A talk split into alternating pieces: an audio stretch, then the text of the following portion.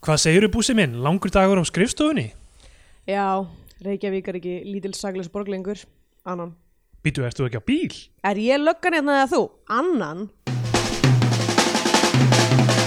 Í Bíotvíu dagsins tökum við fyrir kvikmynd Hannes Þórs Haldurssonar frá 2021 Leinilögga!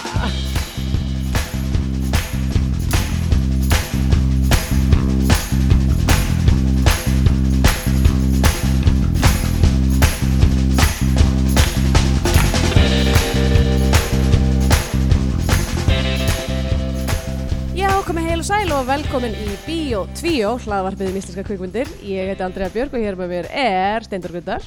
Góðan daginn! Hvað segir þá?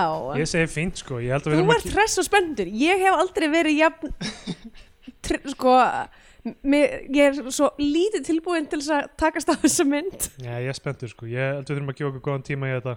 Ég held að við þurfum definilega að gefa okkur góðan tíma í þetta. Manstu hvað hérna, lífsleikni gilstáttunum var langur? Hann var alveg slatalangur sko. Ég held að hann hafi sko slagað upp í tvo tíma eða eitthvað. Já, en það var náttúrulega svo mikið, sko, það voru eitthvað svona fjórar mismöndi sögur af því að lífsleikna gils var náttúrulega bara klift úr sjónvastáttum. eins og, og pappispjösi. Já, hún var pappispjösi fyrir, Pappispjösa formatið. fyrir hérna þessa hérna hnakkakynslu sko. Já. það er svona öfugt við já. Ógeðslega Þykki pési. Þykki. Já. Uh, gils öðrum þættir- papier maché pjösi Pappapjösi. En leynilögga Já, er mynd sem uh, kom út í ár einmitt. og uh, byggði á einhverjum svona gerfi trailer sem þið gerðu fyrir mörgum mörgum árum. Hluti af þeim trailer held ég í myndinni. Já, ok. það sem er að horfa á eitthvað svona eitthvað sjónvastátt um sig Íslandi í dag eða eitthvað. Já, Þa, og sa- það er sem sagt svona trailer um bara eitthvað svona rauninu um lög, löggu sem er þú veist samkynneið eða ég man ekki nákvæmlega hvernig það er. Ég hef þetta að horfa hann aftur fyrir Mhm. þetta ég sá hann á sínum tíma. Uh, en þessi mynd er þetta er einhver svona ársátíð íslenska monokúltúrsins sko. já, veist, hún, alveg. Bara frá sko byrjuninu, by the way, bara, ég ætla bara að koma þessu úr vegi, en mjög fallegt nýtt vandipleit hjá Pegasus.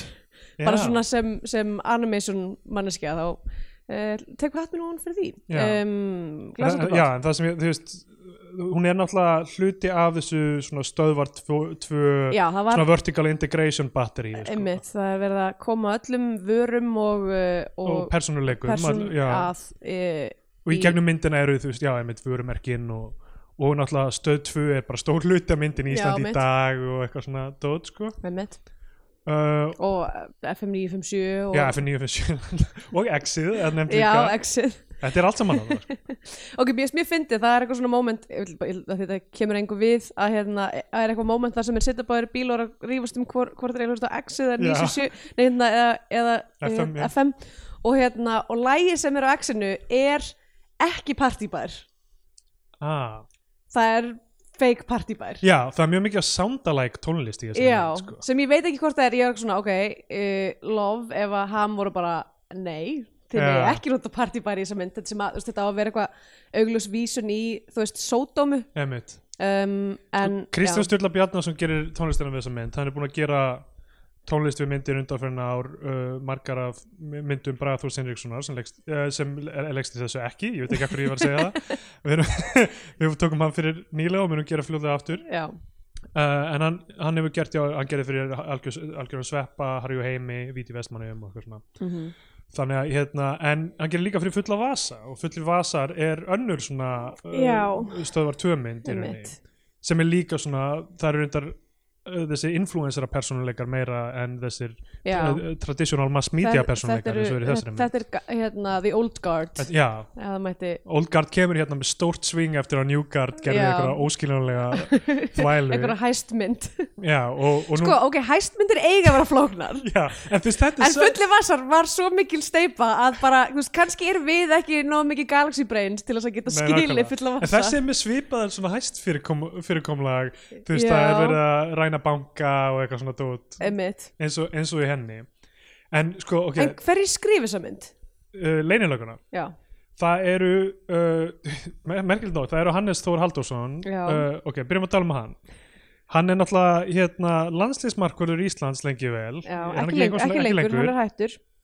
og uh, varði eins og frækt er vítaspyrnu frá Messi. Já, hann mun aldrei fá að, hérna, ég pældi bara að hafa það á félagskránum það er frækt grót já, ég veit það, ég held að ég myndi samt örugglega vera þreytt á því að fólk myndi segja við mig ítrykkað alla daga, þú veist, þá myndi ég vera eitthvað, já, já, ég hef alveg líka samt gert aðra hluti. líka leikstýrt myndin er leynilokka Já, mitt, já, já, þú veist, tvö falleg börn eða eitthvað, ég veit það ekki. hann var á sínu tíma þú veist að gera Ég myndi að allir eru bara eitthvað, bara við börnin þín bara eitthvað, heldur þú að bestið lífs hans hafi verið þegar þú fættist, Já, think nei, nei. again. Messi, besti knassbyrnumæður allra tíma mögulega hann einn á móti Hannesi þetta er bara eins og loka sennan í Víti Vestmanneigum og, og, og hann tókst að verja Já, það var eins og væri bara eldgós þú veist, eldgós tilfinninga það var eldgós, eldgós tilfinninga inn í okkur öllum. en Hannes var að gera sko tónlistmyndbönd fyrir Nylon og, og hefur gert fullt af tónlistmyndbönd Já, og líka, hefur- er líka svona, hérna, e, e, svona ölsingastofu leikstjóri. hann hefur alltaf langa reynslu af þessu Mm svo uh, með honum uh, skrifa Sverrir Þór Sverrisson Sveppi og uh, Nína Petersen um, sem er ekki með neina önnur kredits á, Ok, á kveikmyndavennum við kannski á ekki, ég að vita hver við, hún er. vitum ekkert hver hún er. ég get googlað hana hún er öruglega úr, úr s- samsteypunni, já uh, hún er með of alþjóðlega nafn til hún sé googlaðanleg þannig við föttum það ekki strax. Svo eru hérna uh, Elli Casata uh, filmar þetta, hann er með reynslu af hvort hann vann við einhverja Dark Knight mynd Já. eða eitthvað svona. Ok, og, um, og já, Lilja og Snorra framlegandi, þetta er, þú veist, þetta er þú veist, þetta er allt ég myndi segja þessi mynd er uh, mjög fagmannlega gerð að mörguleiti já, mjög margt er mjög fínt. Uh, ég hef á tilfinningunni að Runway hefði klárast cirka þegar hún fór í eftirvinnslu, Já, reyndar, það er, það er dálítið af effektum þarna sem eru sem eru, sloppy, sko. já, sem er eitthvað svona Car Explosion Alpha Free Download. uh, En sko, það sem er alltaf hvað áhörðast þessa mynd og hérna, kannski best að nefna núna pistil uh, Kristínar Hermannsdóttur uh, í lestinni sem Ok, hérna sem ég er ekki búin að lesa, en þú ert búin að lesa. já, já, og hún uh, og held ég að hafi alveg farið smá víða en Mm. um, hún, hún leggur upp með sko, þú veist í rauninni sem, sem er rétt, er að hún fekk þessa góðu dóma erlendis hún er frumsýnd á Locarno uh, Já. kvikmyndaháttíðinni hún vinnur, það er reyndar þegar ég var eitthvað að skoða það, er hún er bara fyrir norrænar myndir eða eitthvað þannig Locarno. Já, þetta, þetta var eitthvað svona þú veist um, e- eitthvað um það að sagt, hún er valin besta frumraunin Mm. uh, en bara meðal norræna mynda held ég sko. Ok, þannig að þannig að ég hérna þannig að ég veit ekki alveg hvað það þýðir sko. ok. um, ég hún valin í aðalkeppnina uh, sem er í Sviss samt sko og þetta var samt eitthvað já, þetta var eitthvað, já, ég ver- verð að komast að þessu betur. Mm um, þannig að þú veist hún byrjar á að fá alltaf þessa upphefð erlendis frá áður hún er frumsýnd á Íslandi. Já, þannig að það byrjar að vera svona eitthvað, eitthvað tjatter um það bara, byrju leynilega ávist að vera actually, þú veist, góð mynd en ekki, þú veist, bara eitthvað, já, þú veist, bóla fjör, sko, já. með fullri virðingu fyrir slíku, sko, Fyrir fulli vinningu fyrir bólum. og hérna, en þú veist, hún fær nokkra góða dóma Já, og svo fær hún satt líka uh, variety alveg svona, er bara eitthvað, þú veist, það er tvær leiðir til að horfa á hana, ein er að slökka á heilanum og bara, þú veist, horfa á eitthvað svona löggufjör sem er bara mega derivative og eitthvað. Mm hinn leiðin er að hugsa um hana eitthvað smá krítíst og þá er hún eiginlega óþólandi já. Se, sem er Segir hvað variety. já, Ok, en þú veist, hún er að fá umfyllun í variety, hún er, þú veist, ég meina þessi myndir að fara mjög víða það er svona Ok. góð umgjörð í kringum hann á þilliti og svo er hún svo frumsýnd það sem þú ert að segja hún gæti endað hérna í, þú veist, einhverja artkínu í Berlín. Double feature, Lamp og Cop Secret. Cop, sem geggjaðu titil og Já. ótrúlega nokk hef, hef Ég finn ég hann ekki annars staðar. magnað að hann sé ekki not, búin að nota hann nú þegar. já, hann er bara á lausu, Cop Já. Secret ótrúlega sko nei, herru, það er í Lübeck sem hún er valin besta frumrýnin, það er Mm. það sem ég er auðvitað saman Ok, og hún er sem sagt, velunin eru veitt af vinum norrætna kvikmyndadaga í Lübeck. Þannig, og þannig veit, þetta eru norræni kvikmyndadagar í Lübeck í Þýskalandi, þannig þetta er allt norræna myndir. Ok. það er það sem hún vinur, en hún Já. er sínd og frumsýnd í Locarno og er valin inn þar, sem Já. er alveg upphefð sko, þannig að það var það sem ég var að blanda saman, sorry. Mm um, og svo er hún alltaf, þú veist, frumsýnd á Íslandi og er búin að slá öll aðsuna með þetta og bara stæsta helgin og bara, bara þjóðin yfir síðan -hmm.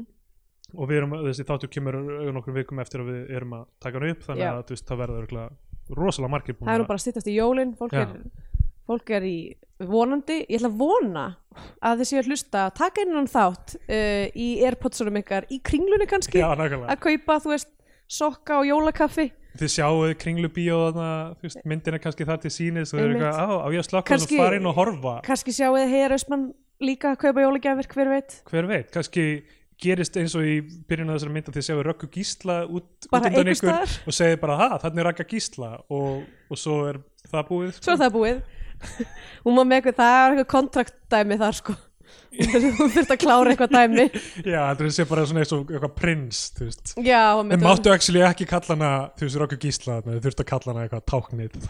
Ó, þetta er táknið út um gluggan já, ég náttúrulega, við vorum með har, harðbaka enska titla á, á útgáðun sem við vorum að horfa á. já, við fengum hana frá, frá framleiðendum og líka bíotví og vassmerki á henni þannig já, þannig að, já, ég meina þið er ekki fara að sjá hana í, í, í umferðan hérna. En þetta getur verið góð leið ef einhver vill, þú veist, eitthvað svona tortím okkur. Væri að hakka sig einhvern veginn inn í e-mailin okkar, finna uh, screenerlinkin okkar downloada myndinni og byrja að dreifa henni á torrent Hvort síðum að búa til þetta blútbröfum eftir að tala um þessu mynd. Við erum kannski að fara að eignast einhverja óvinni hérna í lok þáttarins. Þú ert að gefa af því að það, þú veist, er hægt að kæra okkur fyrir að hafa dreift screenernum Já. mertum biotví sérst, á, ennsku voru þarna uh, það, þá, þegar hann segir hérna ah, þetta er Raka Gísla, það kemur eitthvað It's that girl in the band. Já. Og ég var eitthvað svona, ok, fyrsta lagi Girl? Uh, Hún er, hún er 60 yeah, you'll be a woman soon. Já, hei, maður getur bara vona En allavega hana uh, Já, það er mjög fyndið að hugsa um sko líka þessa mynd öllum þessum erlendi hátíðum og eitthvað, það sem stór hluti brandarinn er bara eitthvað, hvað, hvað er Beggi og Pakas bara mættir hérna? Og svo þýðingin er bara eitthvað ég man ekki hvað var þar sko, þú veist, það er búið, það er búið að svona uh, Já, ég veit ekki hvort þú lest kannski allt öðruvísi á það getur nefnilega vel verið sko. á, á hérna ennsku en þú veist, já. Ég hugsa þetta oft með myndir sem ég er að horfa á eitthvað, eitthvað erlenda myndir sem, eða, ek- ekki erlendar sem eru ekki á ennsku eða íslensku á tungumálum sem ég skil ekki einmitt.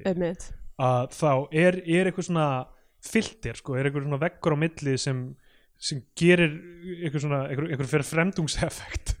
Þetta er röngnótkun á því augtaki en það er einhver svona effekt sem minnir mig á, ég er að horfa eitthvað sem ég, þú veist, það er í rauninni að að hafa text á skjánum er örgulega hægt að kalla eitthvað svona mm Mhm. fremdungseffekt, er það minnir þig á að þú ert að horfa á bíómynd og getur ekki alveg sokkið en þú ert að vinna einhver heimavinnu samhliða því. Einmitt. Og þar að leiðandi, þú veist ef einhver er að tala bara frönsku svona og eitthvað og þú veist, og það stendur einhver texti og ég bara, já, það er mjög merkingaþrungið það sem það var að segja, en sem kannski er Já, já, textin ítla skrifaður en, þú En veist,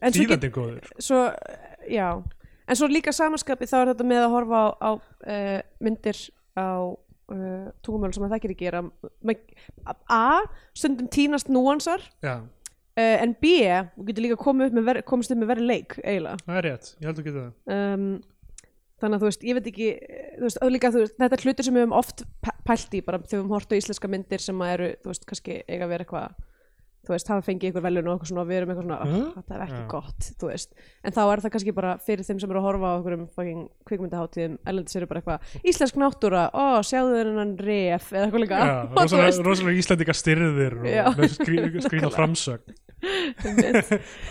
Um, Þú vil hitta þér illa á, á mörk, mörkin sín þegar þeir eru að þú veist, blokkera senur og eitthvað svona. Já, Íslendingar er bara svona þjóð sem er alltaf svona semi-hálfin í ramma. Já menn, það er bara quirky, það er cute. Þetta er, þetta er þeirra svona uh, þetta er svona Nordic Cinema touch eitthvað. Já, og líka sko eitt sem ég velti fyrir mér að hvort að ég, ég, ég, ég trú ekki öðru en þetta sé viljandi. En hvernig, hvernig það er hérna uh, hvernig það myndi vera svona lesið af erlendum áhörfundum að aðalsögu personan Já. sem er uh, samkynneður í skápnum heitir Já, já. Pussy Ok, við, ok, við erum beint í þetta sko. ég, ég gat ekki hægt að hugsa um þetta Þetta er náttúrulega fyrir þá sem að eru ég veit ekki, ekki á Twitter eða eitthvað uh, eða var, eða grændir, já, að það var Bussi uh, náttúrulega back pussy eða butt pussy uh, fyrir samkynniða Já, menn Gaurin heitir Raskat Personas Auðun, Splöndal heitir Raskat í þessari mynd sko. Já. og þú veist, vitandi hvað ég var að fara út í þegar ég byrjaði að horfa þá er ég eitthvað æ, ok uh, ég skil, ok, þeir eru með brandara hérna hann er, hann er kallaður bara þú veist, Já. hann er bara kallaður hommi sko, bara alla Já, myndina alla myndina um, ekki, ekki, ekki bara hommi, heldur líka svona þú veist, bottom sko, Já, einmitt sem hann, specifically. sem hann er sem hann er, sko, sem kemur í ljós Já, myndin byrjar á uh, loftmyndum af Reykjavík. Og, og þetta myndi mig á eitthvað Brian De Palma viðtal sem ég horfði á það sem hann sagði bara það, er ekki hægt að byrja kvikmynd með establishing sko- skotum hvað er það að gera, þetta eru fyrstu rammarnir. Já og byrjar á establishing skoti. Við erum í borginni eitthvað. er þetta fyrsta sem vilt segja áhrifundum? Já, bara ef borgin er fymta aðalsöp þá, þá er það hérna, löglegt um, er Reykjavík hins sanna leynilögga? Já, Ég sé það ekki, ég er kannski, ekki að kannski, kannski finn ég þetta í lók þáttar Já, ég minn alltaf það er náttúrulega sko, En- mér en- fannst mjög sko, þingraðum tárum taki að horfa á þessa mynd sem Kópavóksbúi Já, uh, að því að það í þessum heimi sem að þessi mynd gerist er Kópavóður held ég ekki til. Nei, nei. Það er ekki hægt að keira í Nei. gegnum Kópó og leiði til Garðabæjar. Nákvæmlega. Það er mjög áhugavert. Þegar þú ert að keira hérna, hvað heitir þetta, Hafnarfjörðavegurinn Já, hafnum fyrir ekki? veginn Þá einhvern veginn teleportastu milli Reykjavíkur hlutans og, Garðabæjar já.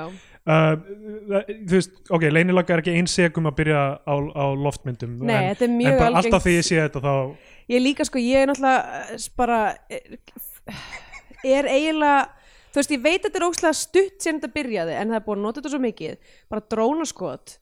Ég fæ æl upp í háls. Já, ég já. nenn ekki drónaskotum lengur Ég sé eiginlega strax eftir að hafa sagt þetta því að það eru miklu áhörðari hlutir við þessi mynd en þetta sem er mjög commonplace í íslenskum bíómyndum Já.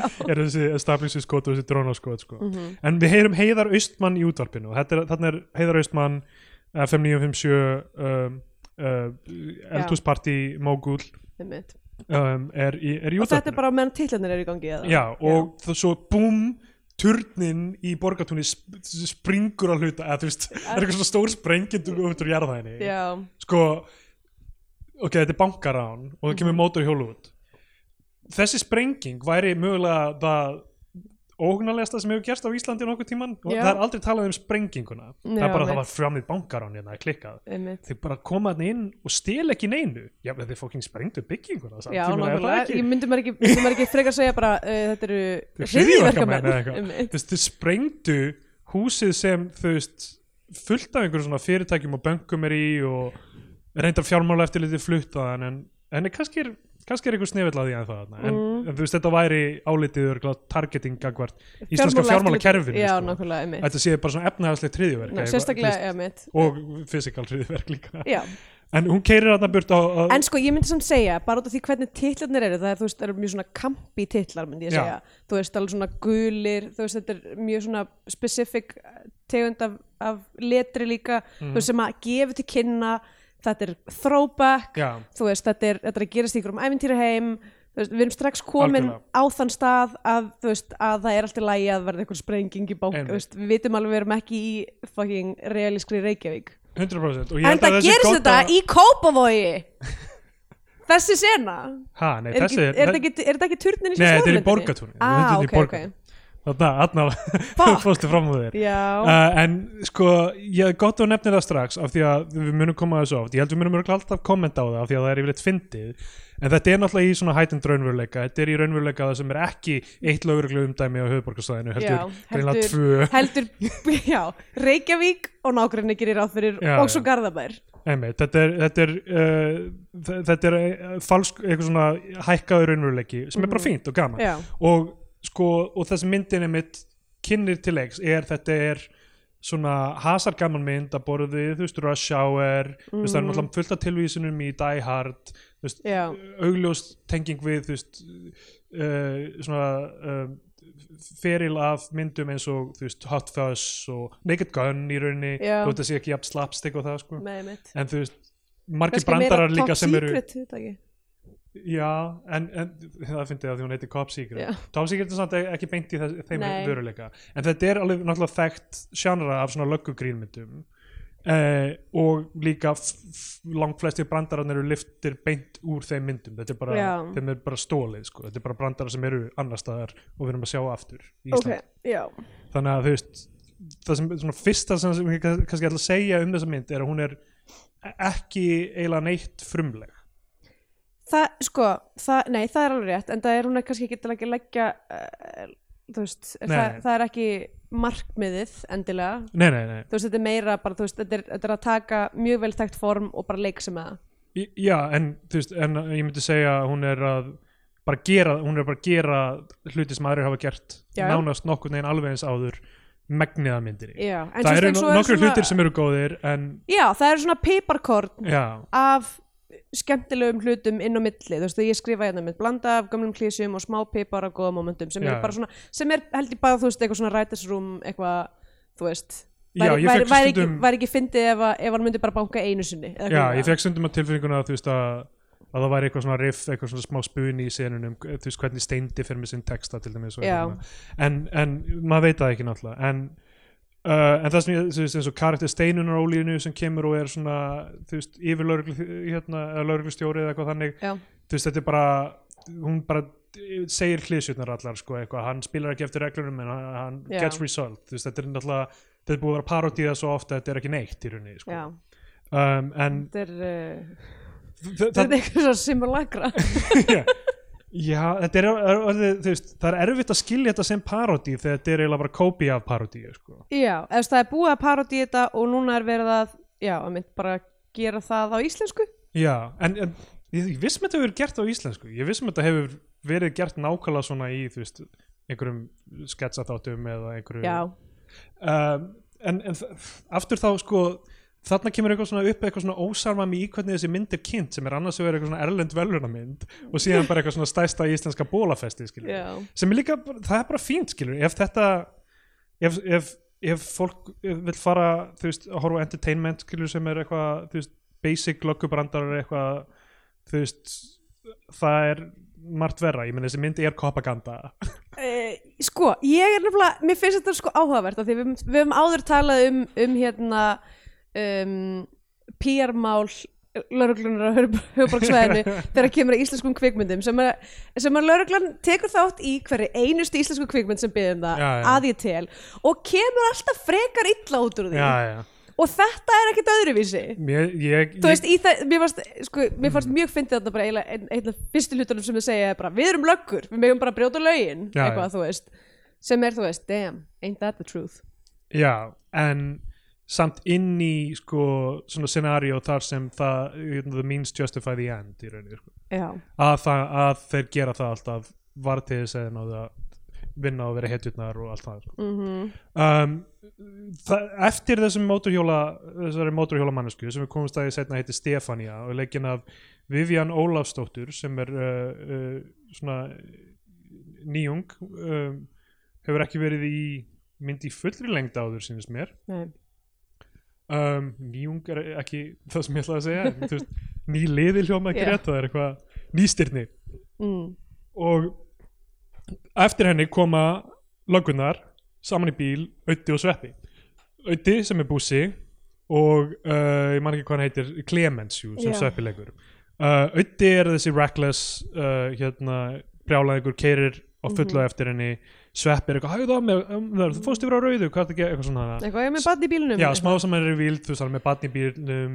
Mhm. svon sinn. Þau fara hann upp í kring eh, það, veist, það eru, eru árekstrar út um allt þú veist, Mhm. bíla árekstrar á kringlumýra brautinni. Og uh, hérna og, og mótorhjóla manneska fyrir gegnum kringluna þeir fara framhjá og sjá Rökku Gísla kommenta á það, Mhm. þetta er fyrsta svona cameo Já. nefndrapið sko um, og síðan keira þeir í áttur að Garðabæ en þeir með ekki fann í lögsugu Garðabæjar. Já, en, en hérna auði ákveður síðan að gera það eitthvað síður sko. já, en á, á, á landamærunum þá sjá þeir sem sagt uh, aðalöguna í Garðabæ sem er bara með bílinn sinn stopp þar á landamærunum já, sér móturhjóli kera framhjá og eldir það ekki strax nei, heldur svona til að aðeins svona láta að líða illa með það þeir geta ekki kert yfir landamærin. Einmitt. Er uh, Egil Einarsson, Gils? Já, og hann er uh, þessi aðal stjörnulögga í Garðabæ sem við komist að því að er uh, independently wealthy. Já, mitt og í, einhverju- í Íslandi í dag bara af hverju ertu lögga, þú ert moldríkur af hverju ertu að þessu? Já, það hann er bara garðbæðingurinn já, einmitt, hann er, hann er ríkur og Þetta hann er, nefnilega undir niðri er þetta, er þetta uh, hérna, stjætta baróta milli milli þeirra tökja Ég, ég er tilbúin að takast á við þig hérna þessi lók myndar. Þetta er að verða eins og í fullir vasar þar sem þú varst byrjað að sjá hana sem einhvers konar takedown á Íslands samfélagi. sem ég stend við Uh, sko, ok, hann er, hann er í þessum Íslands í dag þætti sem kemur að- aðeins einna. Þá er sagt, þú veist, hann er pansexual og hann er eitthvað flottur.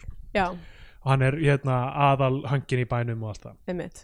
Uh, sem ég finnst dags draga rosalega mikið úr örk búsa ef, ef fræ, ein frægasta lögga landsins er pansexual og stoltur af því af hverju er búsi að burðast með svona já, ótrúlega mikla skömm í tengslum við uh, sitt jobb og að vera harðast hann er frægur sem harðasta löggan í borginni sko, og hefur verið að hunsa það í 30 ár uh, hver kynniðu þessi já, sko. um, já, ég sko ekki það að segja þú veist það leysist með einu einni fyrirmynd en Já. þetta er, væri mjög stórt held ég Já, ég held að sko þeir séu sko eigi að vera eitthvað svona tveir eh, mismunandi tímar, þú veist svona eins og, eins og þeir eru settið fram þá er hann, þá er Já, hann já. eiginlega eitthvað svona modern, þú veist, opin er eitthvað, þú veist já, einhvern veginn öðru, öðruvísi típa af, af annari kynsluð eiginlega og hérna og á meðan auðin á að vera svona hérna, harðhausinn einhvern veginn svona Já, og líka bara eitthvað svona, þú veist hann er bara svona arlefð eitthvað svona vídeolegu pappahelga, þú veist síkartubakka stemmingarinnar, þú veist, einhvern veginn svona er alltaf einhvern svona wife beater og Einmitt. þú veist, Leðurjakka og, já. emitt um, að svo típa myndi burðast með þetta hérna, leyndamál Já, já, það, ég meina það er kannski hægt að segja það sko. En síðan þú veist þegar þið, þetta kemur í ljós svona, þú veist, þegar díla við þetta í lokin þá segir, þú veist Egil Einarsson eitthvað að árið 2021, öllum er sama. Já, þannig þessi myndi er, ég myndi segja þessi myndi var svona 20 árum og sen til að koma með þennan punkt sko. Já, enda líka, að ég veit ekki, komandi úr þessu kampi og þar sem við höfum, ég meina, þú veist, æ, þetta, eh, sko, bara núna síðustu hvað þremur árum eða eitthvað, hafa komið út að minnstu kostu tvær, kannski Já. fleiri myndir á Íslandi, þar sem að aðal pönslænið er, Já, hann er hommi. já, hann er hann mér úrslega fyndi í Þorsti var svona líka Já. uh, og, og þa þetta er það sem held ég um, gott að það ekki Kristín sem skrifar um þetta í sínum pistli er sko þú veist hún er að horfa á þetta í eigilsöllinni Mm. og þegar þeir náttúrulega ríða Já, sem að er, það by the way, mjög unsettling. já, já, við, við þurfum að tala við tölum með það þegar við komum að því sko. en hérna það er náttúrulega hlæja allir sko. Það er náttúrulega að finnast í heimi að sjá auðvitað og gils, þú veist, ríða þeir eru hommar og þeir eru að ríða eitthvað þannig sko. þannig hún byrjar á svona stað þar sem það er þú veist, í rauninni skrítið og það er ekki og það er eitthvað worth commenting on þú veist, í rauninni mm. það er bara þess virði að gera, þú veist, heila myndum það Mhm. þannig að þú veist, hún byrjar á mjög á stað sem við vorum á þú veist, fyrir áratugum síðan sko. Já, þú veist, þetta var eins og þú veist, eins og að byrja núna með hérna, ó, það, þú veit kona í löggunni hvað á þetta því að Einmitt. já. Um, var þannig að í raun, vonandi, vonandi verður arleif þessara myndar það að hann segir þetta í lokin, árið 2021, það er Já. öllum sama, já, að það verði aldrei aftur framleitt mynd á Íslandi þar sem að þetta er pönslænið. já, ég, þú veist, þetta já, ég, er með heldarkenningu Ok, ok, eftirlega. sko um, Ég er líka með heildarkenningu Þetta og veistu hvað mynd kemur þar inn? mm, Nú þínu uppáhalds hít. er, er hún mínu uppáhalds? Já, ok, ekki ykkar, ykkar, ykkar strákana. okkar strákana? Já, ég er að fara, ég er að fara, ég er að fara að taka, ég er að fara, er að fara að rífa vinahópin þinn í mig. Sko, uh, já, uh, Gils tekur við, þeir elda samt ötti fyrir samt yfir landamærin þeir fara inn í Garðabæð, það er eitthvað svona vöruhús, Já, sko, típið svona vöru skemmu moment já, mitt. það sem eitthvað svona hún er búin að ná sveppa taka hann í gíslingu honum og Gils tekst ekki að vinna saman þannig að þú veist, þeir fokka þessu upp sveppi fær eitthvað að högga þú veist, öxlina, eða skotin í öxlina og högga hausinn og eitthvað og hún, henni tekst að flýja sko. Mhm, þannig að þeir eru ekki í takt, þeir eru óvinnir mhm. og þetta enda með sveppa bara í sárum sko. Og svo sjáum við Ísland í dag viðtali og það er sem sagt sindri í Ísland í dag er bara að taka viðtal hann er flottasta lögga, það þekki allir bússa flottustu, hörðustu löggur á Íslandi sem er mjög fyndið sko að því að sko Íslandi aftur, þetta er einhver svona yfirnáttúru, þú veist, yfir, ekki yfirnáttúru þetta er svona hæk, hækkaður heimur sko einhver Uh, það er oft fræga löggur eins og eitthvað Geirjón fekk bara eitthvað að vaða upp í fjölmiðlum alltaf að vera eitthvað ábúða fullum með skeggið sitt og, uh, og, uh, og hérna fara síðan í prófgjör hjá sjálfstæðiflokkum eftir það. Um, og svo hérna eru náttúrulega þessar erlendu myndir sem eru þú veist eitthvað John McClane og mm. þú veist það er einhver svona superlöggur þú veist en þeir eru sjálfnast eitthvað svona frægir. Nei, einmitt, það er ekki það þurfti nú bara einhvern veginn að koma þessari hérna, fjölmjölasamstöpu inn í þessa mynd sko. já algjörlega og svona exposition dumpi sko, eins og þetta hafi ekki verið alveg nógu skýrt. En já þetta fjallar um þú veist hvað hann er harður og, og hérna vídeo af honum bara að gera lemja eitthvað, já, bara lemja eitthvað fólk einmitt, að bara pynta fólk basically sko. Já, uh, og uh, já og, þa og það, þar kemur þetta moment úr trailernum heldur held ég að það sem hann eitthvað hann tekur gaur og segir eitthvað þú, uh, hérna, you have the right to remain silent eða eitthvað þannig, mm. hringdu í vil að vil sami brandari og í fullir vasar en Já. þú veist þetta er náttúrulega úr trailernum sem koma á undan fullir vasar, vasar, þannig að og uh, já Mm. og svo er Gils, svo er bara en það er önnur fræg lögga líka sem við ætlum líka að taka viðtal við í sama þætti Já. hann er alltaf öðruvísi og hann er pansexual og hann, hann heitir Bess, Hörður Bess Hörð, hörður bes og ég, ég, ég vissum að Bess er eitthvað geislangur sem við þurfum að leita um, og hérna uh, já, hann er líka þessum þætti og, og það finnur alltaf í taugarnar á, á ytta sko. uh, og svo í, í, í hvort hann skiptir um stöðu eða eitthvað í sjónvarpinu þá er fórsætsráður sem er Jón Gnar og Jón Gnar er bara hann sjálfur mm. og þetta er eiginlega í svona tíundaskiptið sem ég sé eitthvað svona djók um það að Jón Gnar sé trúður Nei, að- já, bæði hann sé trúður sem er náttúrulega klassíst, en líka hann sé ennþá í pólitík og jættul komin hærra. Já, og það já. var náttúrulega heil seria það sem hann leik borgarstjóra sem var ekki hann sjálfur. Mm. og ég skil ekki alveg hvað er verið að parodía þegar hann er búin að fara í pólitík. Já, það er mjög eðlilegt að stjórnmálamæður sé áfram í stjórnmálum, en það ekki já bara, ég held að sé bara svona þú veist, thought exercise hvað hann hefði haldið áfram að vera í stjórnmálum þú veist, Já, en þú veist, þú veist eins og Simpsons gerði með Donald Trump sem var eitthvað, þú veist, framtíðar eitthvað svona, Simpsons var eitthvað draumur Lisa í, eða þú veist, þáttur sem gerðist í framtíðinni og Lisa er honum fórseti og hún er eitthvað, we've inherited quite the budget crunch after President Trump. Mm. kemur í þætti, þú veist, 90 og eitthvað. Því að þá er fyndin pæling að Donald Trump yrði fórseti, skilur, af því að hann er ekki í stjórnmálum já, já, en, en þá er það fyndið svo í Simpsons myndinni ég hóksla fyndið dýtur. Uh, í Simpsons myndinni uh, gera því Arnold Schwarzenegger að forseta. Já, sem er skrítið á, á tvennana í fyrsta lega því að hann má ekki vera fórseti hann er ekki fættur í bandaríkinu Mm. það, er eitthvað, eitthvað heimskulegt gegn, gegn stjórnarskránið þeirra Mhm. en hann var þegar í pólitík þannig að það meikaði sens í rauninni að hann myndi, ef hann myndi, já. þú veist, það hefði alveg verið ef hann mætti það, það hefði alveg meikað sens að Arnold Schwarzenegger er því Mhm. fórseti, eða bara mjög líklegt Mhm. uh, en svo var það líka steikt af því að í heiminum sem Simpsons er í er önnur Arnold Schwarzenegger típa sem heitir Rainier Wolfcastle já, sem er leikari sem lítur út eins og Arnold Schwarzenegger og lítur út eins og karakterin sem er Arnold Schwarzenegger í myndinni. Ok, það mjög svo annars staðar í myndinni er líka já, uh, Rainier Wolfcastle bræður fyrir líka. Það, það, já, ég Já. þannig að þegar ég sé Jón Gnarr í einhverju svona þá er ég, ok, þetta á að vera sami Jón Gnarr nú er hann orðið fórstsráðara já. uh, nema þetta sé Jón En Gnar hann úr þekki- seríunni úr, úr seríunni hérna, borgarstjóri en hann hétt held ekki Jón Gnarr ok, í ég veit ekki, ég hef ekki séð þetta sko. Ég hef ekki séð það heldur en ég held hann leiki einhvern annan sko. ok, en Jón Gnarr náttúrulega þetta er aftur sko, Jón Gnarr náttúrulega manneskjan þekkir auða og gilsiregjur og steirunjólin og allt þetta fólk sko. já, já, þannig er hann ekki eitthvað Bussi, þú ert alltaf líkur að það auðinni blöndal og félaga mínum sem ég hef unnið með oft. Já, við náttúrulega erum fyrir löngu komin inn í einhvern, hérna Metaverse. Já, einmitt nákvæmlega, það sem er Heiðar Austmann er Heiðar Austmann, Já. en þú veist, Auðun Blöndal er ekki Auðun Blöndal. Já, nefnilega.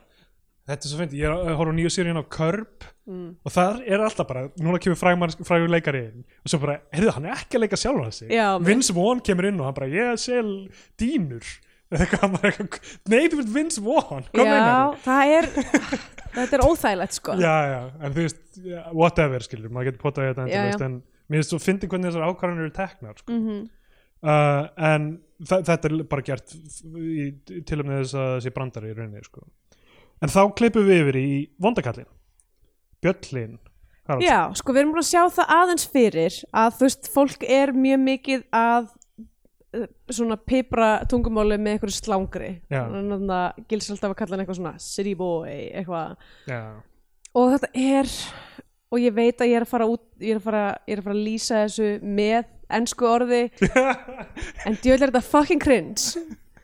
Bara það, sorry, það skiptir ekki máli hver gerir þetta. Þú gerir þetta svo ég, mikið. ég veit, ég er ekkert að segja ég sé eitthvað svöl en bara Nei, þetta er Þú ert cringe. Ég, Þú ég, ég er I'm cringe but I'm free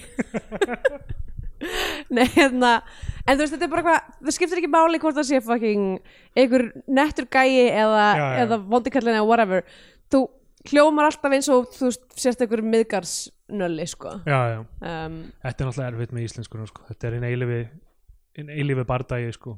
já. Mun íslenskan halda í við internetið og ströymin af menningar áhrifum erlendis frá eða ekki eða ekki um, og uh, B- Bjöllinur mm. Hann leikur uh, vondakallin sem heitir hvað eftir?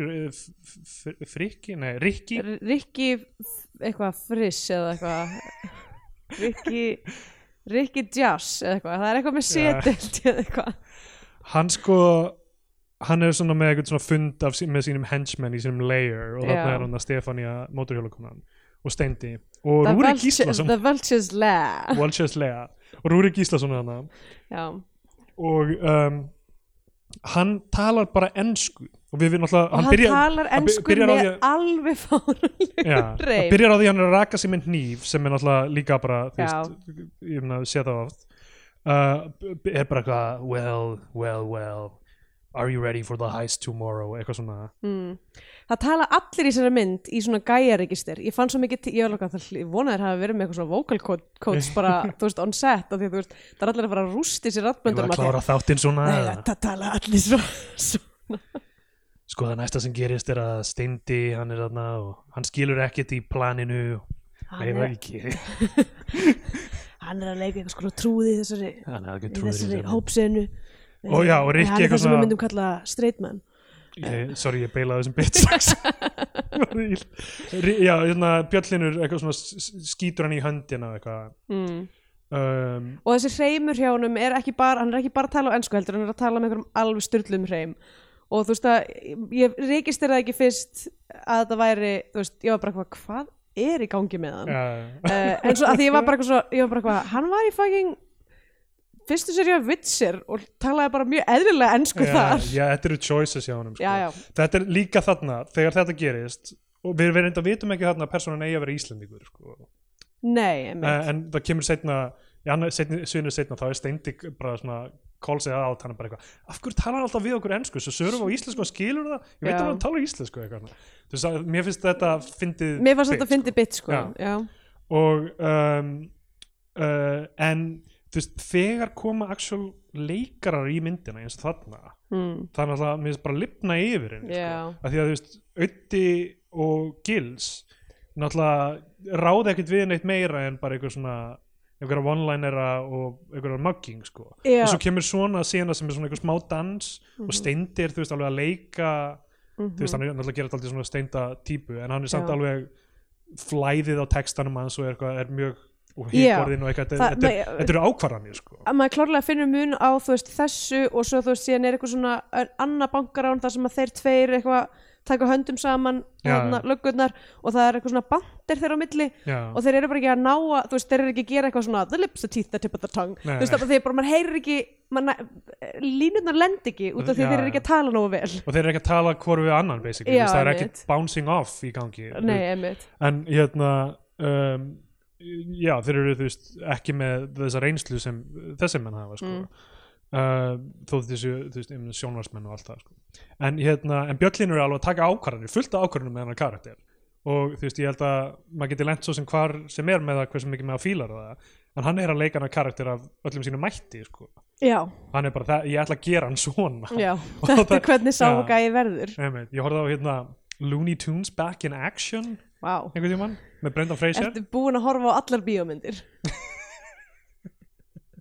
Joe Dante leikstir í þessum mynd Gremlins og Já, líka, ei, Brenda Fraser til í Brenda sko. Fraser inni, Steve Martin er vondikallin og hann er að taka einhverja ákvarðunar sem ég leist ekkert á en hann var alltaf að taka þær uh, ok, og hérna uh, sem sagt uh, þessi, þessari senu líkur uh, Ötti kemur heim til sín hann, sí, hann hittir leigusalan sinn sem býr bara á mótunum Mhm, sem er kínuskur Já.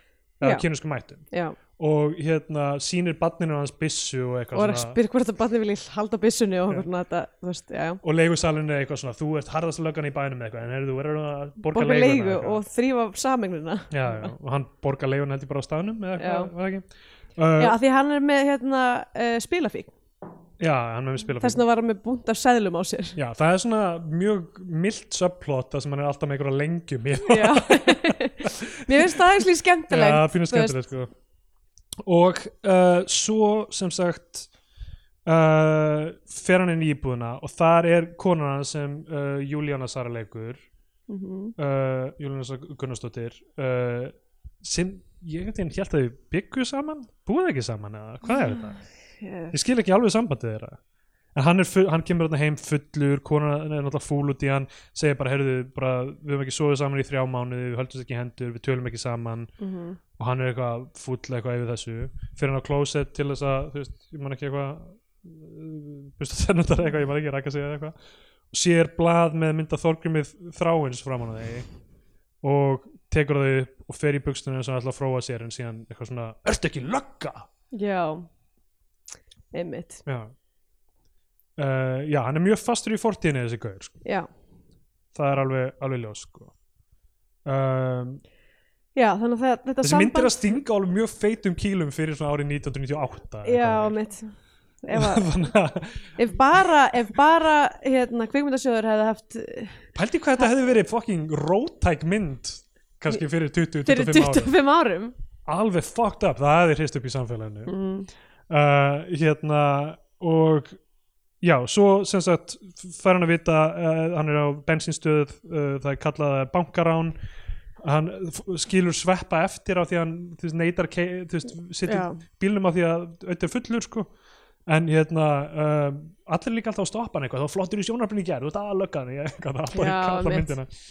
Það, mér fannst það reyndar alveg smá að finna að hann var eitthvað, hvað er, eiga bara allir í breiðaldi sjónvarp núna? Eitthvað enn og aftur þetta er eitthvað goggunaröðin á, á hérna, stjættunum í þessum, í þessum heimir Garðabær, hérna, miðbær breiðholt Já, ég, þú veist Já, pínu erfitt með þessa svona breiðu hérna, skýrskotun, þetta sé mynd svona fyrir almenning þegar hún er svona specifically þú veist, ok, þetta er, þetta er allt í lagi býst ég við, ég veit ekki, þetta er pínu pointed Mm. svona er breiðholt, það er að þú getur alveg farið í ýmsar leiðir með hérna, hvernig þú lest þessa línu sko. mm.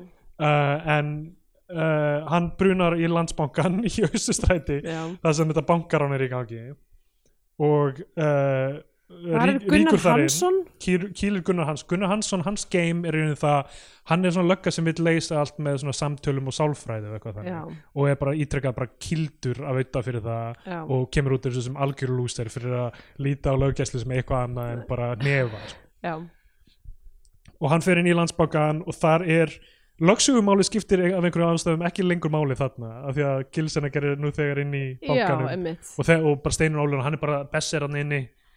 Eitthvað þetta var ekki aðalmálið að þeir mátt ekki vasast í málukorsana Uh, já, væntanlega út af því að hitt málið endaði í Garðabæ og þeir eru báður on the case einhvern veginn. Já, já, og það gerir ráð fyrir þetta séu sami þeir eru að vinna yfir jurisdiction sko. Þetta eru federal mál Emmitt, þetta er orðið federal mál á Íslandi og hann ríkur þarna inn uh, hann og Gilsengar skiptast á einhverjum skotum og síðan skjóta er alla bara, þetta er bara aftaka, drepa alla gíslatökumennina mm. nema einn uh, sem uh, þeir endaði að skjóta með þessu triksi að bussi skýtur gísl í öxlina bara eins og hann hafði skotið sveppa í öxlina á meðan hérna Gilsengar raðar í gaurinn kúlum sko. Mm. Já, þeir bara dref, ég held mögulega að þessi mynd sé með hæsta body count bara, af íslensku myndum? Já, Já, getur verið sko. Rosalega margir deyja og það er e- ekkert svona national samtal í gangi. Nei. Byssuofbeldið sem er í gangi. Sem eru bara sem löggurnar er bara löggur, já. Löggur bara plaffa niður fólk hægri vinstri. Já, við höfum ekki séð neitt deyja fyrir hend sko þetta við gerst tvísvar í Íslandsugunni að lögreglan hefur drepið mann. Mm. þannig að þegar, lög, þegar löggan bara skýtur niður einhvern hópa af mönnum sem voru að reyna að stela pening kannski. Já, þá er það, ég held ég að myndi leiða til svona national conversation um þú veist, hvað við að gera hérna? Já. það er ekki að stöðva þessar morðóðu löggur uh, en áður en þeir fara í þetta loka moment og snertast hendur þeirra óvart og, og auðvitað eitthvað, oi eitthvað, þú veist, eitthvað svona kepist til Mhm. eitthvað, þannig að það glíma við. Þetta er nefnilega málið með alltaf þess að homma skilur þeir eru allir að byrja þetta svo mikið inni og þeir hata svo mikið samkynnið þegar í sjálfum sér. Er þetta ekki daldið rótæk analýsa hjá mér hérna árið 2021 um, og uh, já og síðan sem sagt taka, er, náðir móturhjólakonunni þarna Stefáníu og uh, taka hann í yfiríslu og Ötti bara pintar hana.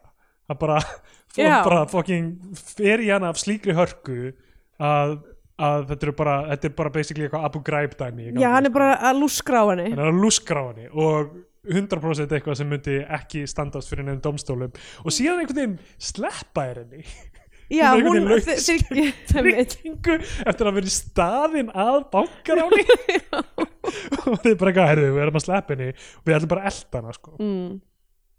og uh, uh, hann, að- áður en það gerist þá sem sagt fara hann og gilsækja saman á barinn já til að ræða málið sko.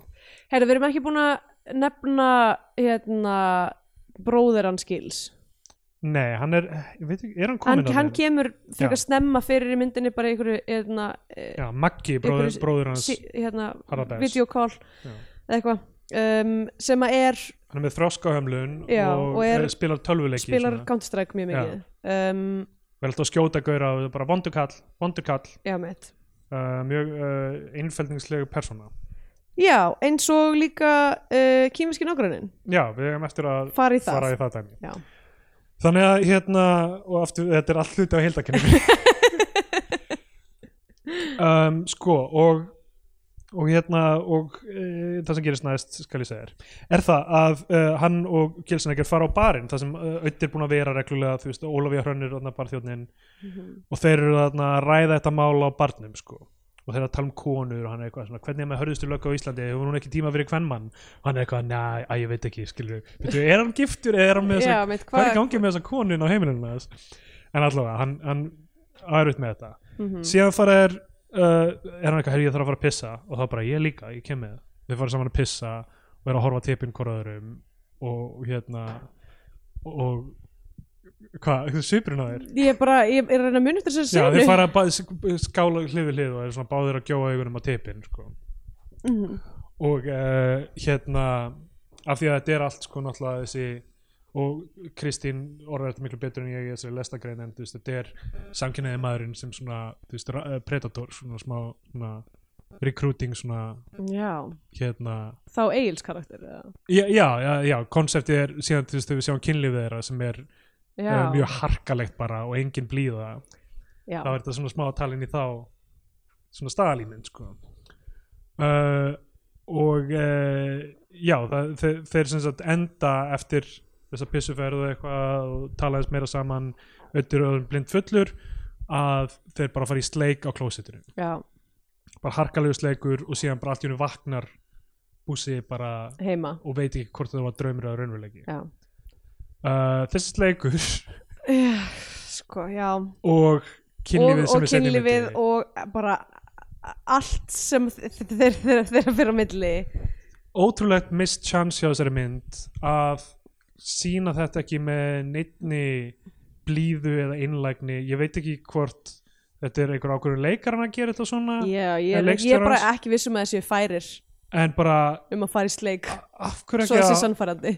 Þú veist, ég held bæði ef þú ert, vilt fara í svona eitthvað gay panic joke þá er fyndnara ef þau kissast blíðlega held ég. Já, og bara þú veist, bara virkilega bara eitthvað, bara þú veist eitthvað ah, eitthvað svona halda utan um hausinn bara eitthvað mitt. snerta varið að hvora öðrum eða eitthvað. einmitt, fara bara eitthvað soft focus eitthvað dæmi en ef þú vilt gera þetta einhvern veginn að þú setur raunverulega að explora þennan karakter eins og einhver alvöru þetta sé einhver alvöru karakterstúdía já, þá er það auðvitað miklu áhugaverðara ef eitthvað svona, ég veit ekki kannski ef Gils eitthvað svona blíðari við hann en Öddi er harkalegur og hann Gils eitthvað slakað á mitt. Þú veist, þú á, þarft á ekki að að Já, þú þarft ekki að establisa einhver svona kallmennsku dominerandi dæmi Mhm. sem kannski þú er búin að vera að gera gafart konum alltaf þennan tíma sko. já, það væri einhver áhugaverðu vingill til að en Einmitt. þetta er bara svona báðir bara já, já, já þeir eru sko þetta er, þeir eru bara eins og sko, ég veit ekki, ég var svona að reyna að finna eitthvað svona, þeir eru eitthvað svona tvær górilur að slást um fucking gastutæki sem einhver skilja eftir þú veist, þeir eru ekki það er, það er eins og þeir séu bara veginn svona líka alltaf þegar þeir kissast þá er þeir svona pínu sem séu bara svona stanga hvernig já, annan. Já, já. eins og okkur geitur. Ég held að þeim lí- líði bara pínu illa með. Ég held að þeir eru bara já, ég held ekki að- ég held Ég að fæ á séu tilfinningunum bara að leikarandir bara séu homo, homofóbiskur pínu ég held að það sé bara 100% rétt lestur En að þeir, þú eru, þú veist, þeir gætu ekki jafnvelóttir, og þeir eru on screen að þú veist, eiga að vera leikarar. Þeir bara gætu ekki lift sér að njóta þess að fara í sleik. Já, og þetta er náttúrulega það sem við, þú veist förum í það sem Gilsenegger hefur gert í lífsleikni Gils og eitthvað svona. Að því sögðu, þá held ég sé samt líka svona bara horfandi á þá og varðnaður og þá held ég sé bara ekki góðir í að sleik kissa yfirleitt. Yfirleitt sko. Verið sko. En ég meina þeir eru að bjóða upp á þetta með hvernig ég leika þetta. Já, þeir eru að bjóða upp á svona analýsu. En hérna, Já, það er þessi sleikur sem er bara frankly terrifying að horfa á uh, svo er kynlífsatriði sem er líka bara þú veist, maður er bara, bara hvað er að gerast núna þetta er eitthvað svona óhugnalegt Já, eiginlega. já. sérstaklega líka hvernig það skotið einhvern veginn svona í dimmu þú veist, í, er, er myrkur og svona einhvern veginn svona ská í gegnum einhverja Já. glugga og, og svo er, sjáum við það eiginlega alfarið í gegnum það að það er ljósmyndari fyrir utan að taka myndir þannig að það er svona shame element í því já, mjög stert líka sko. Að það sé, þú veist, hei, þetta er eitthvað sem er ljótt og, og hérna forbóðið sko. og svo setna í myndinu þegar þeir eru byrjaðir saman eiginlega og þú veist, er alltaf svona kissast og það er bara svona er það, það er eitthvað svona, svona, svona mömmukoss á var, svona Já. það sem er eitthvað svona packing bara eitthvað, þetta er bara algjör steik þeir ráða ekki við þetta, pældi hvað þetta hefði gefið okkur miklu meira ef þetta hefði verið einhvern veginn innilegt Já. Þú veist, þetta getur verið hluti af þú veist, ég meina Gilsenegger þú veist, skrifaði einhverja afsökunarbeini einhvern tímann fyrir hvað hann hefur sagt já, og hvernig hann hefur verið allt það, það er, ég er ekki að segja að það eitthvað svona réttlæti neitt eða eitthvað þannig. En hann hefur alltaf presenta það að hann sé á einhverju ferli frá því að vera gaurinn sem skrifaði þessu ógeðslegu hluti á bloggið uh, það sem hann var að hvetja til naukana og, allt það sko. Já, já. og það sem hann gerði í mannasíðum Gils bókinni og síðan lífsleikni Gils myndinni sem var allt mjög homofóbist ógeðslega rasíst líka. Mhm. bara hvernig hann skrifaði um svart fólk, asíst fólk bara viðbjöðslegt allt saman sko. Já. og bara, bara veist, ef hann er á einhverju vegferð það sem hann er að bæta sig þá bara all power to him og hann hefur skrifað einhverja, veist, það þýr ekki að veist, mjögulegið þólendur hans skilur, þú veist, einmitt. einhvern veginn að segja bara ok, bara flott en þú veist, pældi hvað hefði verið góð, góð, miklu sterkari einhvern veginn svona moment fyrir hann þá ef hann hefði bara innilega farið inn í samkynniðin en ekki stereotypuna einhvern veginn af því Já. að leika hana Mhm. aftur, eins og þorsti mynd með gagkinuðu fólki skrifuð á gagkinuðu fólki að leika samkynniðt fólk Mhm. og hérna einhverju ástæðu er þetta rosalega góður vingill inn í komedíuna þeirra en í, en í staðin fyrir að Eða, þetta er bara svona, veist, þetta er, þetta er spurningum hérna um, heilindi finnst mér Já, sem að, þú veist, ég get eiginlega ekki þú veist, af því að þessi mynd er eitthvað svona, eitthvað gaurafjör í búningi þess að vera einhvern veginn wow já, já, sem að, sem að þú veist, sem þú veist, það er eins og þetta sé, þetta er nota sem brinja utan um myndina.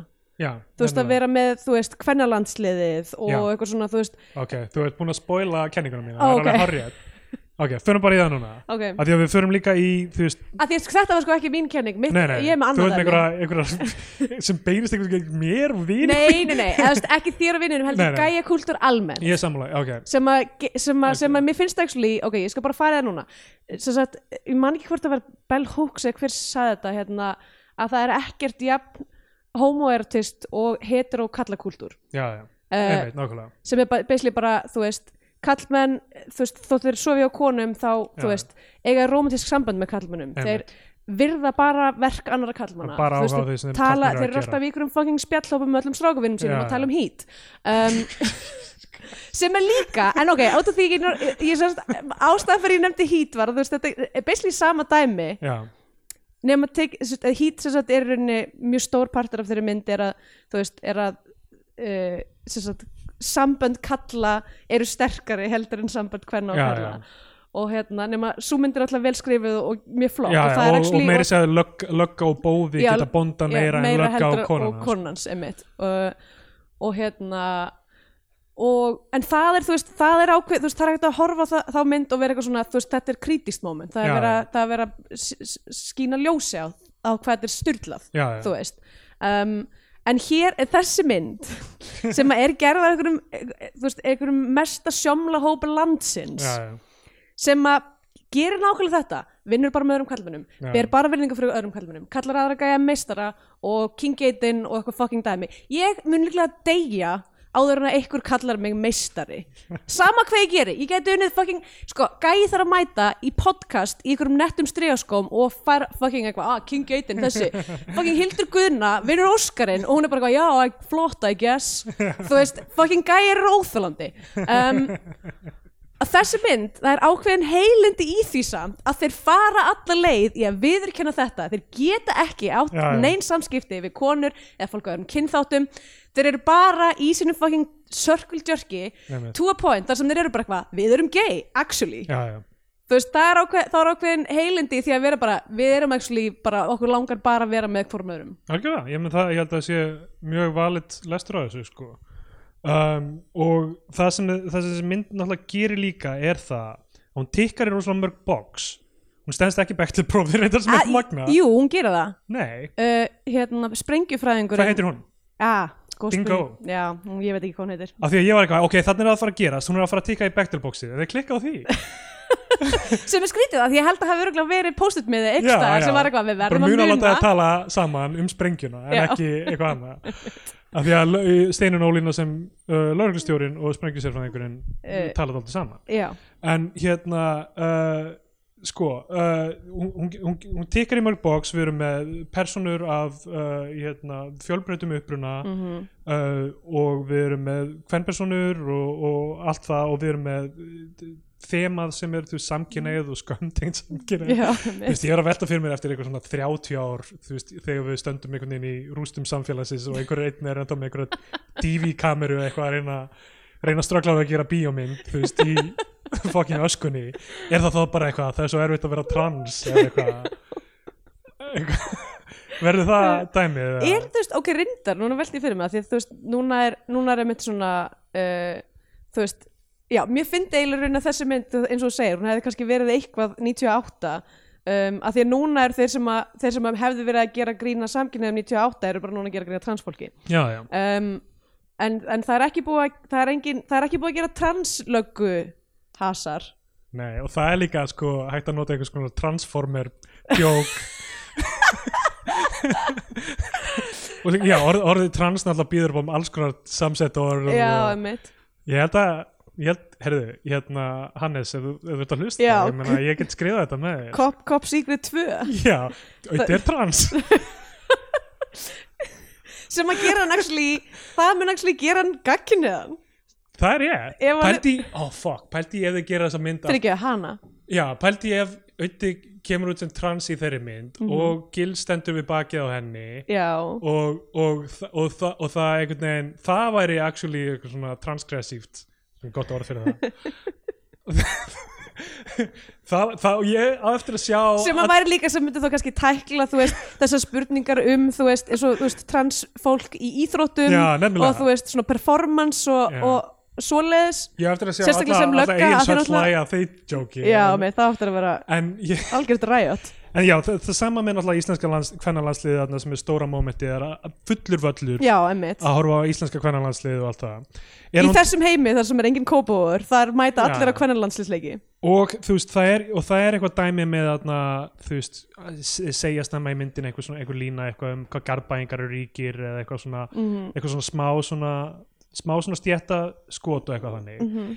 eiginlega allt þetta þjónar bara veist, þessum aðalpersonum og, veist, og, og hversu miklu máli þær skipta sko.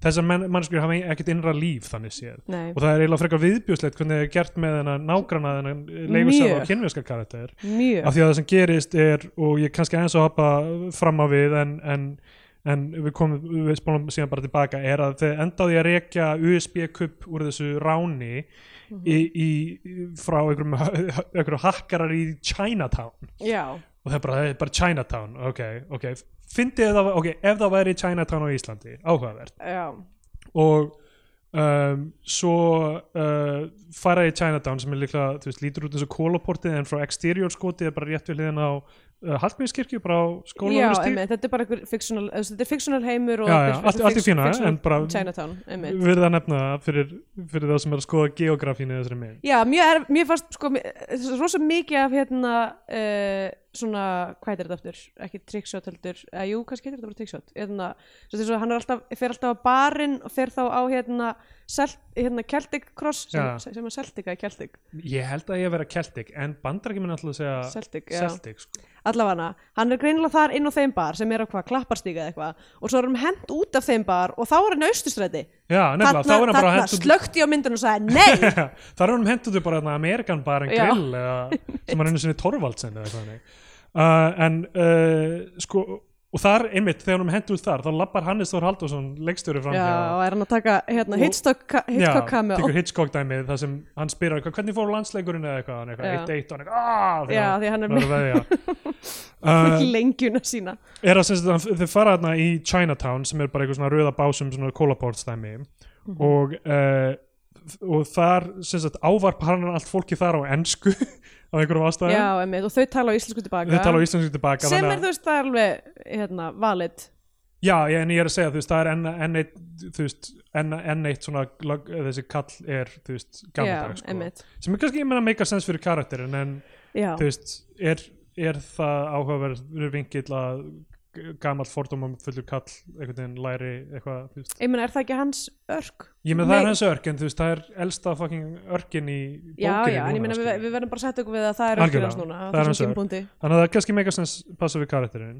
Uh, en hann sem sagt uh, Gils reynist tala kínversku reybrennandi Já, uh, og uh, þau eru eitthvað að tala með hann USB-kupp og eitthvað, þú veist, það er vírus á hann whatever, það kemur svona það kemur fyrir þess að sinum upp í þessari mynd að þessi vírus á USB-kuppnum eins og þessi eitthvað revelation í hvernig hann skipti Já, það er alltaf sömu og upplýsingar. Að- þetta er líka bara eitthvað þetta er líka eitthvað svona trójuvírus mér varst sko mjög fyndið að því að ég var að horfa á þessa mynd með Jóni Kerstala mínum sem er uh, forritari. Já, og alltaf þegar í öllum myndum það sem er eitthvað svona en in the main, alltaf þegar kemur grafík á skjá já, þú veist, þú ert með, þú ert kannski með, þú ert með eitthvað svona konsólteksta Já, já. og svo kemur eitthvað Svo svona eitthvað beinagrind. svona heiskúpa eða eitthvað svona já, hefur skupað já. það er svo fyndið að sjá andlið á honum hann verður svo reyð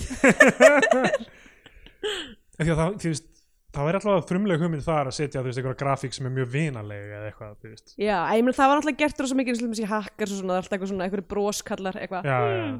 En þar eru við í liði með þeim, sko. Já, einmitt. En- En, allavega, þau eru búin að, þau eru búin að, hérna, finn, þau að eru það er ykkur grafík þarna sem er búin að baka að, inn. varstu ekki búin að fatta plottið bara mjög snemma í myndinni eða eitthvað, þú veist, þegar þessi vírus kemur upp, augljóslega er þetta eitthvað svona triks til, þú veist, þau eru að brjóta sinni þessu banka, setja vírus í mitt. til að ræna þá allir einhvern veginn samtímis. já, já, einmitt. Það Fyrir að, eitthvað svona fight club moment. og það finnst þá að gera það með vopnuðu ráni sem er ógeðslega riski Já, sem að opnum algjör óþarfi að því Af að, því að þú ættir frekar að láta ráða þig inn í bankan Einmitt, eða lúpa inn einhvern starfsmann þar til þess að taka þátt í þessu. Það væri miklu auðveldar en að fara nýr með byssur og. Nei, sko náttúrulega dæmi var uh, að það þurfti að, að the shit og að því þau plöntuðu senni sig eitthvað svona að lögadaginn, eitthvað, leikurinn. en það hefði alveg hægt að gera það með nafnleysi sprengjuhótun sko. Jú, svo sem rétt. í staðan fyrir að láta handtaka fullt af fólki sem innvolvar í samsærinu Já, einmitt. Nei, fyrir ekki, nei, þau voru náttúrulega öll drepin. já fyrir ekki, drepa þig fyrst og síðan handtaka eina þeim uh, Einmitt, en þessi gúns eru bara, þú veist, þeir, þetta planjaðu sem Rikka er alveg rugglað sko. þetta er hann alveg snar bilaður. en, hérna, en það sem gerist þannig í Chinatown sem sagt, er það að leigusalinn sem hefur sest í einu atriði áður uh, þú veist og samþykir síðan að fara með þeim gegn því að Ötti actually þrýfi saminginu eins og að gera er skotinn bara og deyr og. Ötti er bara eitthvað nei og hann bara eitthvað ég, ég er að deyja þú verður að sjá um dóttur mína Já, mitt. Svo á þessi, hann, Hann á tvö, hann á tvö eitthvað. börn, en hún hann greinlega bara hann gefur hún bara dótturinn það er skrítið mjög. af því að það voru að, að, þegar hann fer þá er hann eitthvað hei passaðu systur þína Já, eitthvað. mitt. hvað var þér með hinn börnin og þannig að hann kemur bara inn í þessa mynd bara til þess að þeir geti gert nokkra svona þú veist djóka með einhvern svona Chinatown á Íslandi Já, mitt. og deyja já, og uh, það er frekar suppulegt alltaf Já. áður en að þessu kom þá er þeir sem sagt búin að komast að þessum USB-kuppin í gegnum það að uh, að sem sagt uh, söngkunan Bríett er, Já. uh, er þarna einhver tölvu all, allir tölvuþrjótar í þessari myndir konur já og hún, hún sem að- sagt hvað, ég, hún segir þeim það er vírus á þessu en ég þarf tvo daga til þess að eitthvað svona krakka þetta allt saman. Já, þannig að en ef þið getur fundið út hver, hver hvað þessi USB-kuppur hvaðan hann kom þá hérna þá geti komist það í hraðar eða eitthvað ég veit ekki. Já, og þess vegna fara í þann en, en sko, þessi USB-kuppin fá þeir aðeins fyrr af því að þeir eh, fara í banka eitthvað útkallið að komast, ég maður ekki hvernig það gerist en það er verið að hvort það er verið að ræna banka eða hvað það er og þeir endaði að slást fyrir Úri Gíslason. Já, hann fær sitt moment. Ég var búin að vera mjög pyrruð að því að því að hann, hann er sérst einn af þessum goons þarna. Uh, og nema hann er alltaf hann er alltaf hérna eitthvað svona þú veist dressed to the tens með svona þú veist fullkomlega shabby man bun og já. þú veist bara eitthvað svona hot sko. e, hot, bara eitthvað, farði, þú veist, fall in line Rúrik, verðu einn af gúnsonum verðu í fucking appisnuglum galla come on, ég nákvæmlega, og kistu einhvern, er hann ekki að kissa eitthvað fólk já, nákvæmlega. Það væri gaman. Ég var til að sjá það. Já.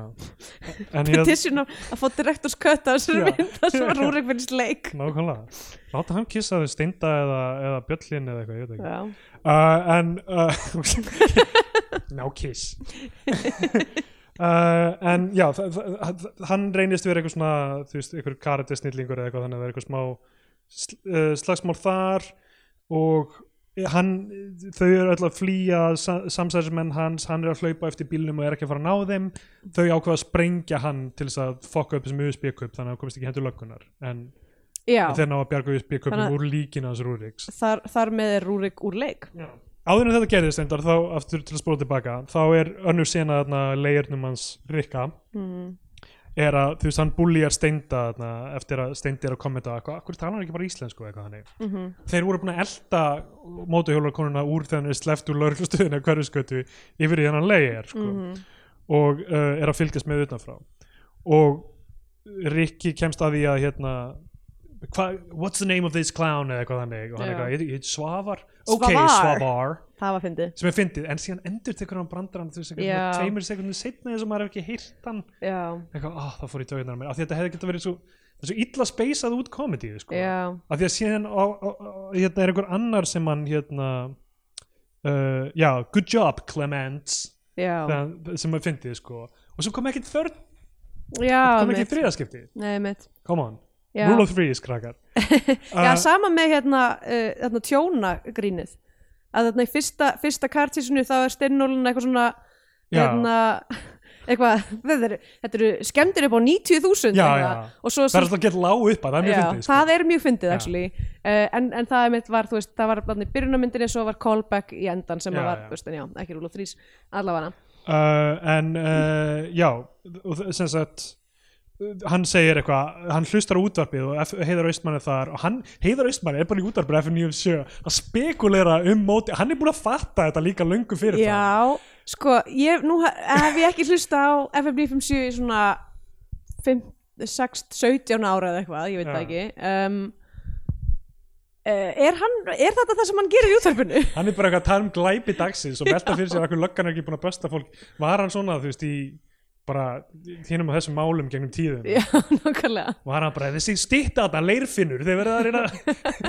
komast að hver þessi gaur er Já, alltaf bara úttala sig eins og heyrðu, eitthvað svona e- e- Russ Limbaugh. honum er ræn Ra- Já, hann er eitthvað bring this Heiðar Eastman to me. Já, og síðan hann er reynd og hann bara tekur Heiðar Eastman á lífi.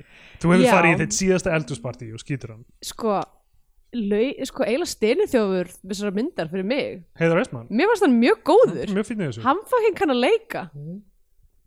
Já, hann er, hann er mjög örnendingufullur þegar þetta er í gangi sko. já, þú veist það, það er sko, eiginlega það helsta sem ég get sagt um þessa mynd er sko fyrir utan náttúrulega þessa stóru tesu um hvernig hún er svona hún, hún er svona vókvassar það er eiginlega hún, segja, Já. hún er eiginlega að pota í fólk sko með þessu sko, þetta er hún nefnilega er eiginlega að þetta segja er- þetta er eitthvað, svo- hei hvað, tjekka á öllu sem við gerðum hérna. þetta er svo gegnsætt Já. að maður er svona, þú veist, eitthvað, hvernig get ég þú veist að því náttúrulega það sem er líka eins og okkur, þú veist einhver, eitthvað svart ský yfir allir þessari mynd er náttúrulega bara svo ákvörðun að velja tvo mynda uh, sem sagt já, já. Um, gerendur, gerendur, gerendur já, mitt, uh, í aðal uh, rullunar, já, já. bara þú veist ekki einn heldur tvo. Uh, Einmitt. ég veit ekki hvernig hérna, kannski, já, fólk nota gerendur á það, þú veist, það er verið að nota þetta aldrei svona fjarlæga stigma að þú veist, nota lýsingar og frekar nafnur, þú veist, þú veist ekki gerendi þú veist, manneski hefur, hefur gert eitthvað, eitthvað. já, veitum svona taka, Já. taka bleimið hérna já, svo, já, hvað hva, hva er þetta hérna eitthvað tweet sem að var eh, svo, svona eitthvað svona eitthvað í, í eitthvað, tveir lauruglumenn voru involveraðir í atviki þar Það sem, sem að einhver- þar sem að lést, já. já, þar sem að kúlur fóru í gegnum höfuð á já, mannesku sem olli því að svo manneskja lét lífið. Já, já, já. Já, en þú veist, af því að ég meina við tölum um tungumáli hvernig, þú veist, meina, við notum þólendur líka mjög mikið í, í, í, í íslensku, sko, en þú veist, svo verið að, þú veist, það er verið að fjarlæga nafnorða svona væðinguna í mörgum tungumálum, sko, af, svona þannig að þú veist, þú ert, ert ekki gjörðir þínar þó þú þurfur kannski að svara fyrir þær og, og þú veist, upplifa þá, þá, þú veist, er það ekki endalegt definition af þér, sko? já. Já, ég veit ekki, en allavega, hérna, Allavega, þetta þeir- þú er veist, fáránlega beigja hjá mér. en já, nei, sérst, bara, þú veist, bara þetta að vera með þetta, þetta mjög svo glæra sín af, hérna, Já, já, af einhverju svona wokeness já, yfir því sem að er mjög svona, já, komið að segja útspilað, slightly homophobic uh, plot, þú veist, grunnplot með tvo gæja í Já. það er svolítið eins og, eins og þið séu bara eitthvað svona bara I dare you bara eitthvað, já. Nefnir, en sko, og það sem ég get segja, með því að gera þetta þá, eiginlega, þá hugsa ég sko, ok, þú veist, mér, mér finnst hérna sem einhverjum einhverjum típu sem pæli get mikið í þessu er get eitthvað, eigði miklum tíma í eitthvað bæta sitt eitthvað menningalæsi og þú veist, menningaríni og eitthvað svona, vinnur eitthvað í fjölmiðlum og er actually motiverað að gagna þessu, þá er þetta svona ok, ég sé, ég sé í gegnum þetta allt saman sko. og þú veist, af hverju þú veist, ég, ég meina, ég get látið þetta fara á taugarnar- í töðunar með einhverju svona intellectual level og allt það sko. en á endanum finnst mér eiginlega vonbreiðin við þessa myndirunni bara hvað hún er nálægt í að vera svona einhvern veginn svona góð hún gæti verið svona góð íslensk svona löggu gaman mynd. Mhm.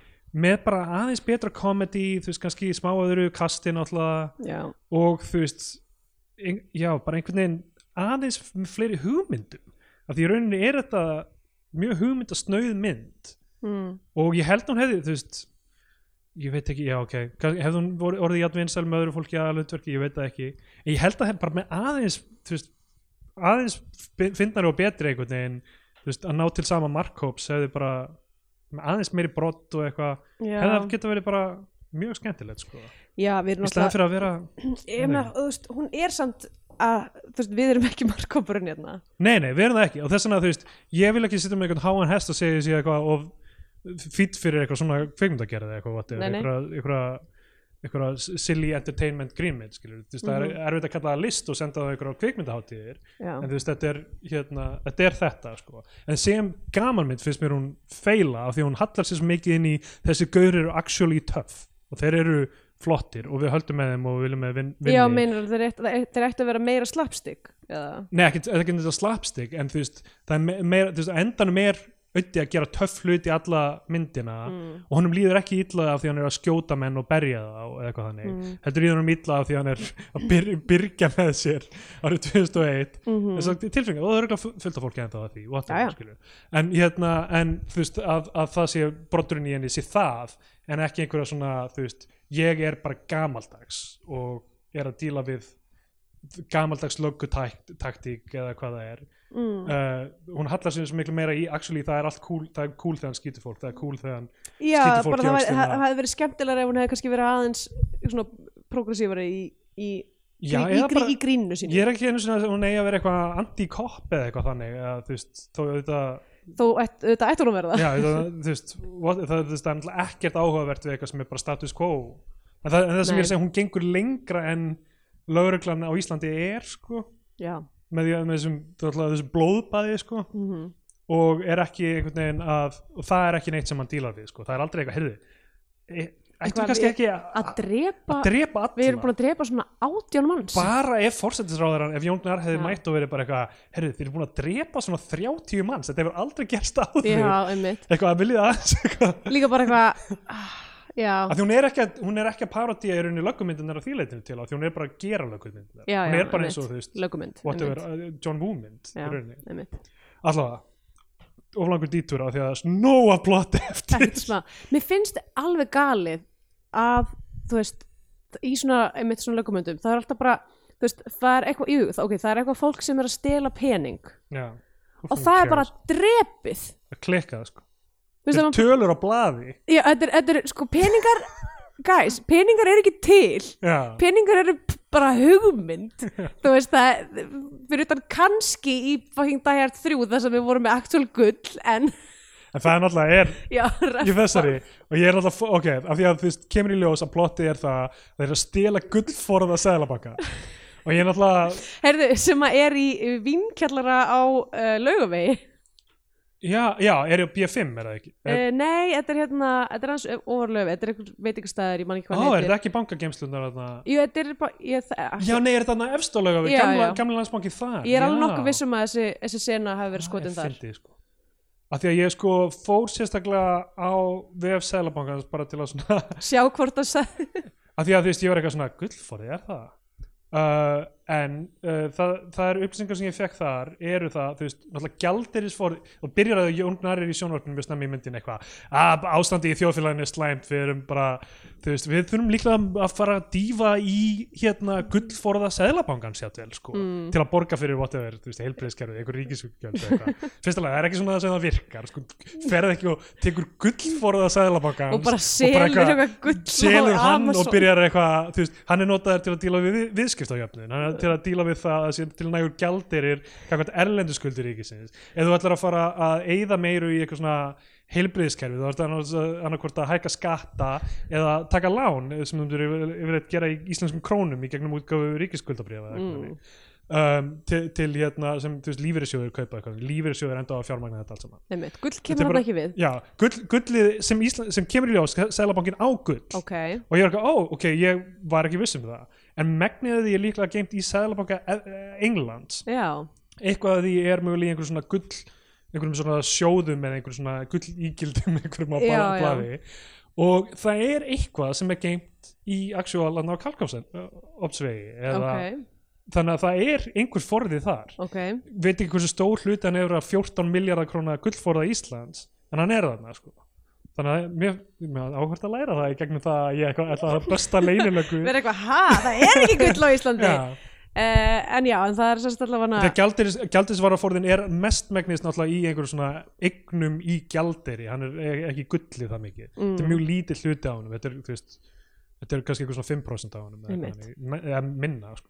Eins og við segjum, þetta er bara, þetta er tilbúningur. Já, já, ok, við verðum að klára þetta sko, Jón Gnarr náttúrulega öskrar á það eftir að sprengja upp Chinatown Já. með fullt af fólki þar inn já, það er ógeðslega margirn inni þegar þú veist, Gil skýtur eitthvað og bunga flugeldum og allir og mannslífið er ótýrt í þessari mynd. Og en ég meina enn og aftur, þetta er þetta er heimur þar sem að kópáur er ekki til. Já, já. Uh, og bara líf hvíts fólk skipta máli Já. hvítra kallmanna um, þarna gerist það sagt bróður uh, Gilsenegger Karlsins er rænt. Uh, og uh, á sama tíma er Bussi að díla við það sko, hann er eitthvað reynir að kissa konuna sína og, og hérna og, og hann, hann getur það ekki að, veist, hann getur ekki díla við þetta hún er bara eitthvað hvað er í gangi með þig? og eitthvað. Hún endar á að segja það er ekkit að þér. Hún alltaf sko að hún bara veit þetta hún veit þetta, hún líka fyrirgefur hún strax Já, hann getur verið að fucking andlega niðurlægana í einhver, einhver Einmitt. ár eða hvað það er og það bara, heyrðu þetta er allt í lagi fyrst þú, þú veist, ég vissi allan tíman Já, og þú gerir ekki til að hjálpa honum með það. Að þú elskar að stanga kallmenn í andlitið og glíma við þá eins og górilla að því í lokin þegar hann er eitthvað svona heyrðu, já, ég verð að tala við þig og hún bara, ekkert máli, ég fyrirgefur þér allt eitthvað, ok, þú getur verið alveg skrýmsli en, og það er aldrei eitthvað, heyrðu Bussi var erfið dagur í vinnunni, myrtir þú svo 15 manns. Það er alltaf bara, æ, þú veist að díla við eitthvað svona, til langar að ríða öðru fólki en mér. Nákvæmlega og bara eitthvað, babe, þú heitir Bussi. Nákvæmlega, varst það þú sem byrjaði sjálfur að kalla þig þetta? Því að það er svona Já, smá veit, þú heitir í rauninni, þú heitir Tómas. Hvað, kallar þið buss hann heitir eitthvað svona böðvar Já. ég man það ekki. Sko, en síðan þú veist, já, síðan kemur hann til sem sagt, eftir þetta rifrildi þá þykkur hann heimbóði frá Gils og Gils segir bara búsi, það er ekkert að þér, kistu mig. Og þeir kissast aftur mjög illa, svo er þessi rýðinga sena Mm. ljósmyndir teknar af þeim. Svo kemur búm, sveppi, ertu búin að sjá þessar ljósmyndir? En þá er það ljósmyndir af held ég eitthvað, þú veist, einhverju öðru Já, er hérna, bara eitthvað svona hérna, sendiferðarbíl á lögðars uh, og við sjáum síðan uh, Rikki, og þetta er eiginlega smá sóun á location, en Rikki er þarna efst í í Gufunesi. Mjög flott. Ógeðslega flott, en þetta er svona tvær sekundur þessi sena. Hann, hann talar með einhvern gaur sem á að myrða þá og þegar hann er eitthvað, heyrðu, þetta er, þú sagði mér ekki að þetta myrða tvær hörðustu löggu landsins eða eitthvað og þá kastar hann um niður Já, þetta og ég er bara eitthvað, getum við ekki notað þetta location aftur að því að þetta er geggja já, jú, jú, það er alveg hægt. Allavega, það, mér bara syndaði að gera ekki meira úr því þegar hann kastar hann líka yfir það er eiginlega, þú veist, valla svona. Mm.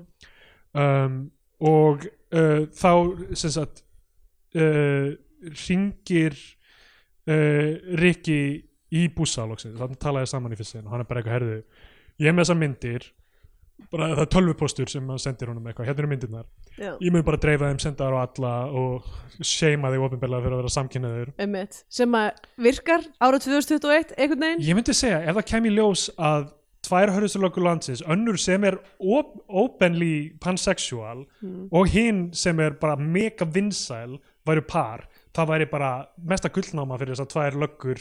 Já, bara, þetta væri bara geggjað og 365 miðla holy shit, skilur henda í eitthvað, þú veist buddy, more than buddy cops nákvæmlega, ég meina, þú veist, talandi um Begg og hvaða nákvæmlega. þáttur myndi koma út úr þessu einmitt En er ekki, var ekki líka, það var einhver um daginn, bara einhver sem var að fara að reyna að dreifa einhverjum nektarmyndum með Pál Óskar og var bara eitthvað, já. hefðu, ég ætla bara að deila þessum myndum sjálfur, Já, bara já. Ekki vera að reyna þetta núna Móði það- kemur náttúrulega Páll Óskar hefur kannski áratuga reynslu af því að díla við eitthvað svona Já, nákvæmlega, að meðan Bussi er eitthvað svona fyrst að mæta einhverjum mótlæti í lífinu þarna. Einmitt. Hann má, hann með license to kill. Og, og en hérna, ok uh, já, hann sagt fattar strax, hann sér eitthvað þú veist, iPadin á næsta borðið sem Gilsin ekki á, að þeir hafa verið í samskiptum fer og njóstur um þá í mjóttinni sér að þú veist, eitthvað Rikki kissir Gilsin ekki á kynina, það var búið að koma í ljós að þeir höfðu áður verið mótel saman. Já, þeir voru að vinna saman sem mótel og þangað til að eh, það sem gerði Rikka styrlaðan var að hann brann í einhverju já, hann var eitthvað í Panama fram í eitthvað glæpi og brann eða eitthvað. Nei, hann var, sest, var í, í einhverju, hann var að mótela í einhverjum bíl og kviknaði bílnum og hann fekk brunasár og eftir að hann varð ógíslegur fyrir neðan hálsmál já, þá gæti hann ekki verið hérna uh, mótel lengur og þá mist hann vitið. Já, og fór að ræna banka. Það er ógæslega fyndið dæmi sko, af því að þú veist það hefði, uh, ég veit ekki sem orðið Geimið hans er tekið frá eila, þú veist, hérna, þú veist, Jack Nicholson Joker mm, í rauninni sko.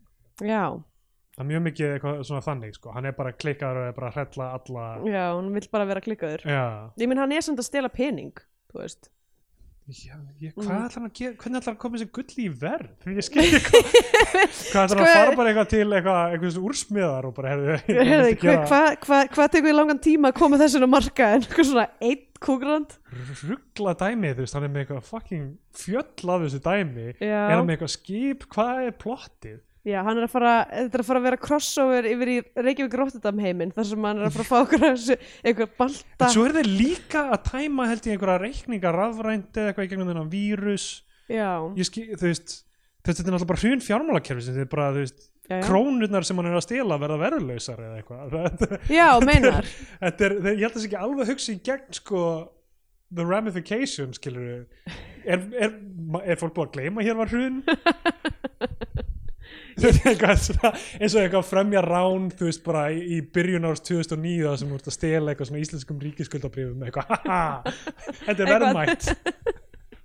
Ég veit ekki hvað já, öll þessi iSafe hlutabrif eitthvað, nei, þetta er dóttir sem var verðlaust. Já Ég meina veist náttúrulega gull er gull. Ef að, ef að, ef að já, en það er mjög ill, uh, það er ekki mjög liquid. Nei, e- ekki nema þú heiti það. Já, já, um, Nei, en þú veist en ef þú, ef þú, ef þú hérna uh, sem sagt, jafnar fjármálakerfi við jörðu þá veit enginn hvaðan þessi gull, það gull kemur. Já, já það er rétt sko það ertu bara með eitthvað freewheeling gull það er rétt, en þú þarf að koma úr á landi einhvern veginn Já. og fólk er ekki eitthvað þú, það, ég með þú getur brætt það, þú getur einhvern veginn Já. þetta er ekki, byrju, er þetta gullið sem var famously stólið í fjöldamorðinu það sem uh, allt íslenska kvennalansliðið og 10.000 manns voru myrt sem distraction Já. og sama tíma Sæðlabankin var sprengtur bókstaflega allavega, ég, eitthvað, nei þetta er annað gull. Þetta er þetta er annað bara frá ömmu.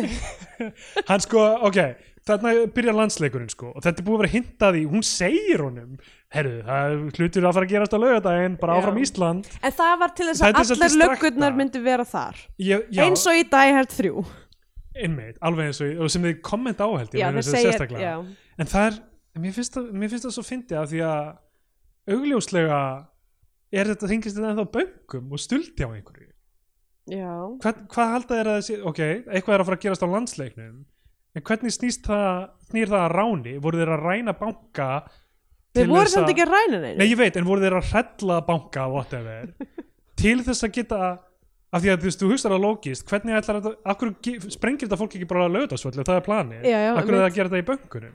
Þessar löggur eru nöyt heimskar Já, sko. þetta er það sem ég er að segja með hérna, lögguna og PR Já, veist, ég veit ekki hvað þeir eru að hugsa Já, þetta er, er bara þetta, er true to life kannski Já. er, þeir voru bara, við, við hefðum höndlað þetta svona. Þetta er actually runnsæðismynd Já, en sko, en það sem sagt landsleikurinn er þarna, hann Rikki ringir á undan og tilkynir um sprengju Hmm. sem gerir algjörlega óþart allt þetta dæmi með þú veist að hún segi frá þessu fyrirfram og allt Já, það. emmitt, Nei, það er eitthvað svona myndband. Já, já, myndbandi yes, we, I'm going to blow this up. Það er eitthvað vikingaklapp í gangi. Uh, og hérna og Steindi er, já, þeir eru að ræna Sælabankan, Steindi deyr mjög unceremoniously þar sem hann talar af sér, bara, mér líst ekki á hann að rikka mér hef bara farin að halda hans í algjörn bulli eða eitthvað. Og þá er hann beint fyrir aftan hann og skýtur hann. Uh, hérna uh, já, mér, mér finnst Steindi gera þetta þokkalega vel og mér finnst Björnlinur gera þetta þokkalega vel líka. Já, og uh, já, mér finnst að lifta myndinni þegar einhvern veginn menn taka ákvarðanir með persónuna sínar. Uh, en ég var búinn að segja það. Mhm. allavega, þeir, þeir, þeir ræna þessu gulli uh, og Bussi mætir fyrir utan þarna fucking semætsversmiðuna og sér strax Gils þarna og ræðist á hana því hann heldur hann sé svikari. Mhm. en Gils er strax bara, ó þeir rændu bróðum mínum. Hann er eitthvað, ó, ok, þá býst ég að þetta sé allt í lagi. Mm, mjög stutt svona risk þarna sundræm, sundræm þeir ná saman bara Strax aftur. samstundis aftur sko. þetta er mjög stutt hérna uh, hvað heitir það hérna uh, uh, Long Night of the Soul eins og það heitir í Já, þetta er, ekki long night of the soul bara Short Night of the Soul sko. half an hour of the soul. Um, og þeir sættast fara inn í semisversmuna kemur í ljós að Sveppi var svikari mm og hann Af því að hérna hann þarf að kaupa eitthvað trampolín fyrir börnin sín eða eitthvað líka. Já, hann er eitthvað svo blankur og þú veist líka örgulega rosa medical bills. Já, uh, mynd um, þannig að hann, hann, hann var einhvern veginn búinn að svíkja þá með þetta. Mm og uh, svo er þeir handteknir og þá, að, þú veist, handteknir af Rikka sem genið til leiks Jörgen Pyntingamann og hvað getur nú verið frumlega en þýsk, þýskur, og hann, þetta þetta er svona smá long kiss good night einhvern veginn Já. reffi eða svona þeir eru hangandi í einhverjum keðjum en, eitthvað. þetta er bara, þetta er bara er að gera aðrar myndir sko. Já, já, veist, það er ekki parodía Long Kiss Goodnight er gaman sem spennumynd. Já, en þú veist, ef þú parodýr hana þá tekur einhvern veginn kjarna hennar og einhvern veginn stækkar hann, einhvern veginn. einmitt en þetta er bara En þeir eru bara að gera sami það. hlutur, já. Og svo gera þeir Die Hard 3 og þeir gera, þú veist, mm gera þetta klassiska, er það ekki Lethal Weapon eða eitthvað sem The Mayor's on my ass þú veist, Já, eitthvað, já. þetta dæma allt saman sko. Lauruglustjórin sem er alltaf að bara þú, Já, ég god, meina, eins- god damn you get results eitthvað, þú veist. Þetta er, þessi mynd er bara eitthvað svona algjör hérna, pappahelga arleð sko. Það er eitthvað veist, þetta eru allar, þetta eru allar vídeospólurnar frá þessum tíma einhvern veginn sam, pakka saman í eina mynd. Og þú veist, ég meina Brooklyn Nine-Nine er búin að vera að gera þetta í mörg mörg á Já, og stækka það og, og, gera eins parodýr já, af gera einhvern twist á því og það sem reynist vera, Mm. ó, þetta var ekki alveg eins og í myndinni eins og ég held, heldur, eitthvað, spilaðist öðru sút. Heyrðu, eitt, ég man ekki nákvæmlega hvernig það gerist í myndinni en á einhverjum tímpúndi þá er hérna bússi þunnur og borðar treo.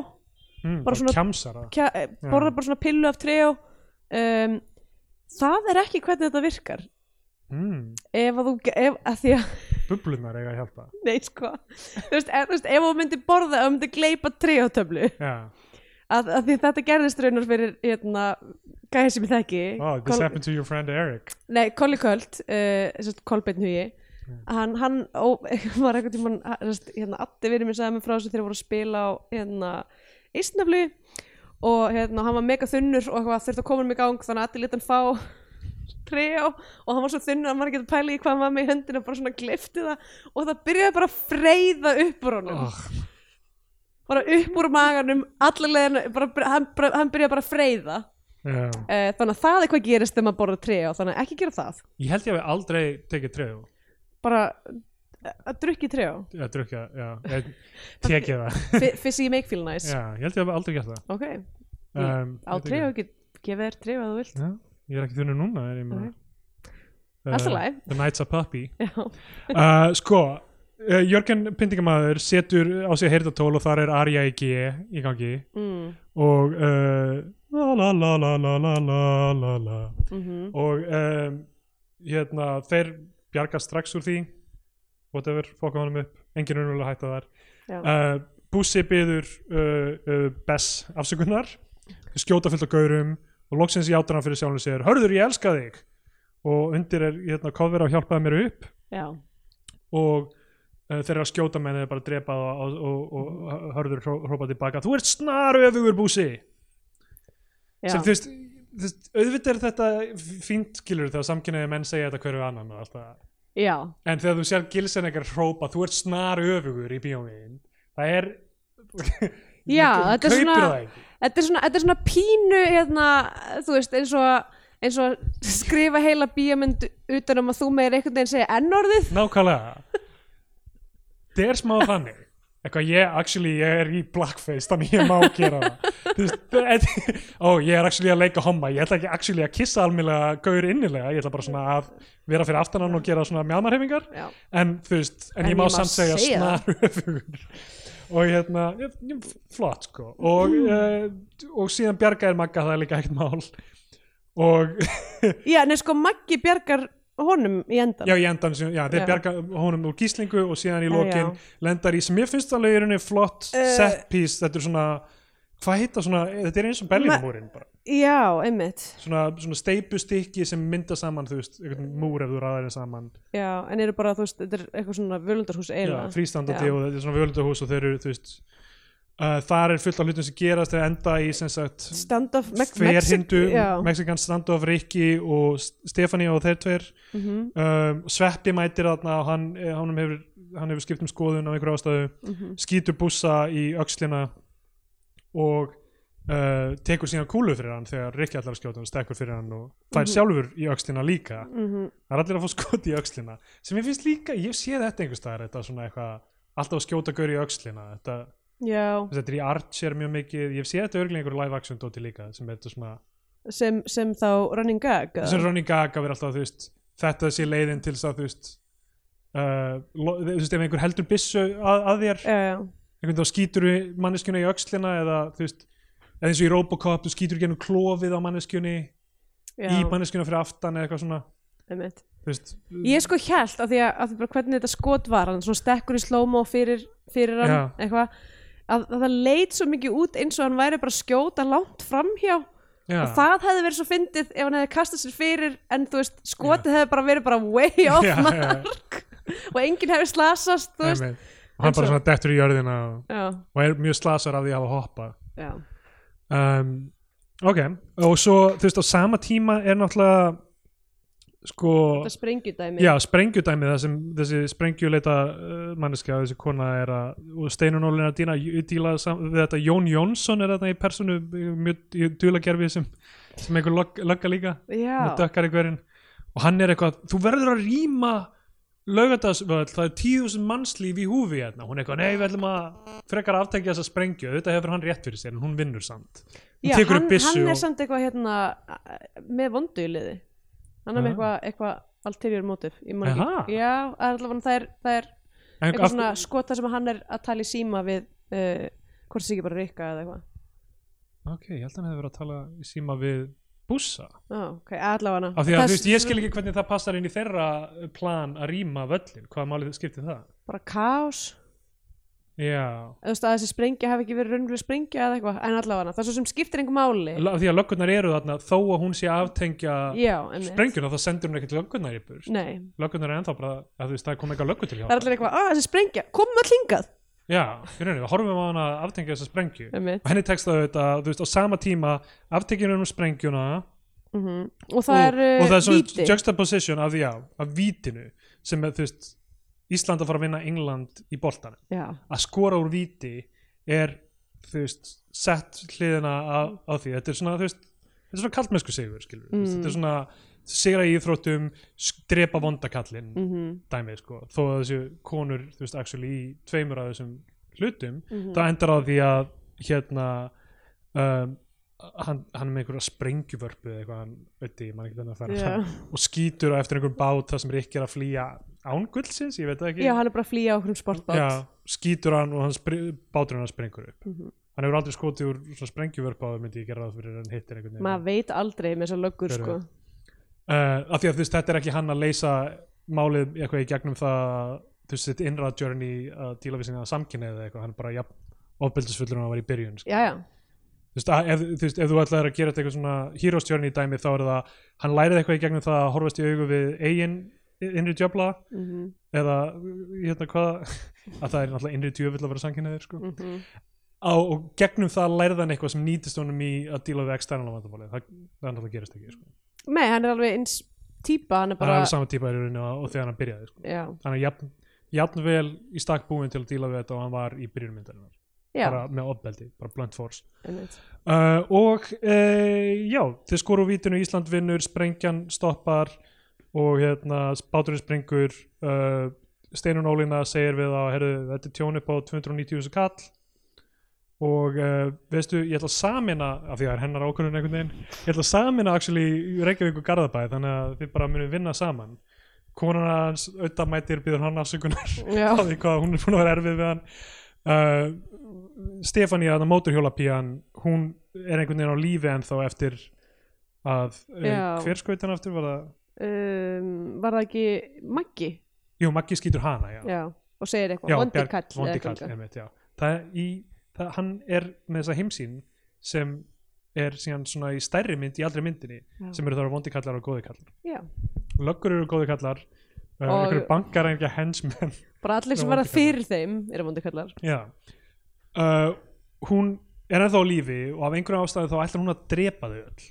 Ekki flýja og einhvern veginn reyna Nei, nei, hún, bara, hún bara mætir og ætlar bara að skjóta alla Já. og kemur öskrandi eitthvað. Hún ætlar ekki að nýta sér það að herðu, þau halda því sér döð, það er enginn hérna að fylgjast með með best að reyna að flýja land. Heldur bara, að ég ætla að drepa alla löggunnar og steinun álína dömpar gámi á af gáum af gulli. Á gulli, uh, þannig að þannig fyrir fyrir henni og Já. Jón Gnar hringir og hann er óvart á speaker eitthvað að tala illa um auðvitað og, og þetta er mirror af þegar auðvitað er að tala illa um hann fyrir í myndinni. Mm. og svo enda myndin á þessu innliti frá Sindra í Ísland í dag. Uh, það sem, sem að þeir eru búa saman núna í Garðabæ. Moldríkir, þeir eru búin að ætliða lögguna og eru að kenna henni að skjóta fríðskotabissu ætl, ætlið að þú sagði lögguna? Já, hún er auglustlega lögga þessi stelpa næsta kynsla af löggu. Já, hann ætlaði þessa litlu löggu sem er alltaf að gera löggu og alltaf Já. á lögreglu ríkinu sem er í Já, Íslandi þessa einmitt. mynd. Uh, já og hann bússi nú aldeilis búin að hérna, ríða sig upp um stjætt já, komin í Garðabæin já. um, og uh, þeir uh, saman handtaka einhvern gaur og, og kissast eftir það. Já, og þannig enda myndin, síðan er eitthvað svona ekki post-credit eða svona mid-credit scene það sem Rikki er að ranka við sér á já spítala. það var ekki mjög ljóst ah, en það framhaldsmynd. Já. og það er myndin búin já, einmitt. Var þetta skemmtilegt? var þetta skemmtilegt? Það, ég meina það sem við vorum að segja. Ákveðlist þessu sögutræði uh, uh, ég veit ekki, ég byrjaði, ég byrjaði hérna, með orku en núna er ég bara mjög deflated sko. þetta er eiginlega þegar maður endar að ta- segja allt þetta upp að það er þetta pínu fucked up. Scandinavian Penindex Já, herðu, hérna ég náttúrulega þetta er náttúrulega ekki þetta er ekki, ok það er einhver, ákveð, einhver ákveðin harmur í því að hérna lifa hérna með, með svona stórt lindamál já, og láta það um, eðalegi lífsitt uh, það er eitthvað svona smá element af eitthvað stjættaströgli náttúrulega spiltir embatsmenn hægri vinstri. Mm, hún er um, greitið á henni er mjög blátt. Hún er alveg svona hún er alveg mjög blá. Og einhverjum tímpúntum kemur ykkur alveg galin vinnjetta sem að svo mikið töðnir af mér, ég veit ekki hvað heiti.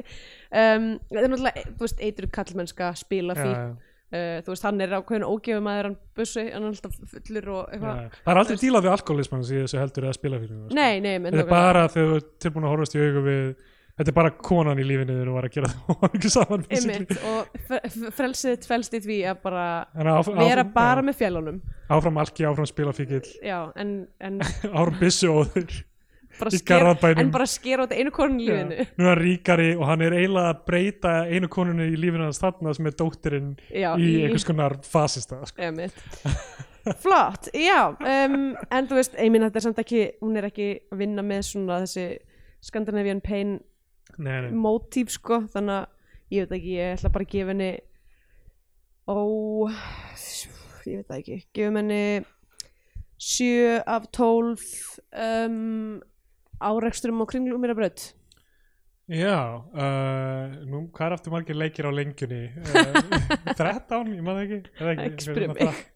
það voru 13 einhvern tímann held ég. Uh, já, ég segjum bara eitthvað þrjá af 13 lengju reytum Það kom með einn tímapunkti sem gefur myndina Klossess og flagskip íslenska kveikmynda og frá íslenska fánan eða við mælum frekar með að hlustundur hóna ykkur á bandaríska Hollywood-dellu og fyrir bandaríska bjánan. Og mér finnst þetta sjaldnar eiga betur við en einmitt núna. Já, Af hverju ekki að horfa á Hot Fuzz fyrir að gera þessa mynd? já, Af hverju ekki að horfa á hvaða aðra lögguparodíumynd? Meiri, meiri segja þeir sem taka þú veist, hlutina í ekstrem þar sem þeir eru svona semi-siðlausar eða eða bara veist mannslífið er svo ódýrt að það er orðið svona Mm. augljóslega einhver svona brandari. Já, það er bara stór hluti af brandaranum er hvað fyrst þetta er sem einhver svona mynd af löggunni. Mhm. Og þessi mynd er þú veist uh, móralski kjarni hennar Já. er uh, á reik á reiki. Já, í óreið í algjör óreiðu. Og, uh, og þess vegna velti ég fyrir af hverju ekki bara að horfa aftur á Brooklyn Nine-Nine? Af hverju ekki að horfa á bara hvað, hverja sem er að þessu, öllu þessum myndum já, sko. mitt uh, ég er að spá hvað ég hef hort á nýlega. Að því að þú veist, í endanum finnst mér þetta þú veist, þú veist, það er alveg hægt að fara mjög sterk rauk fyrir því að Brooklyn Nine-Nine sé propaganda líka. Já, og hérna og, og sama með mjög mikið veist, ég horfði á Police Story, Jackie Chan myndina sem þú veist, mhm.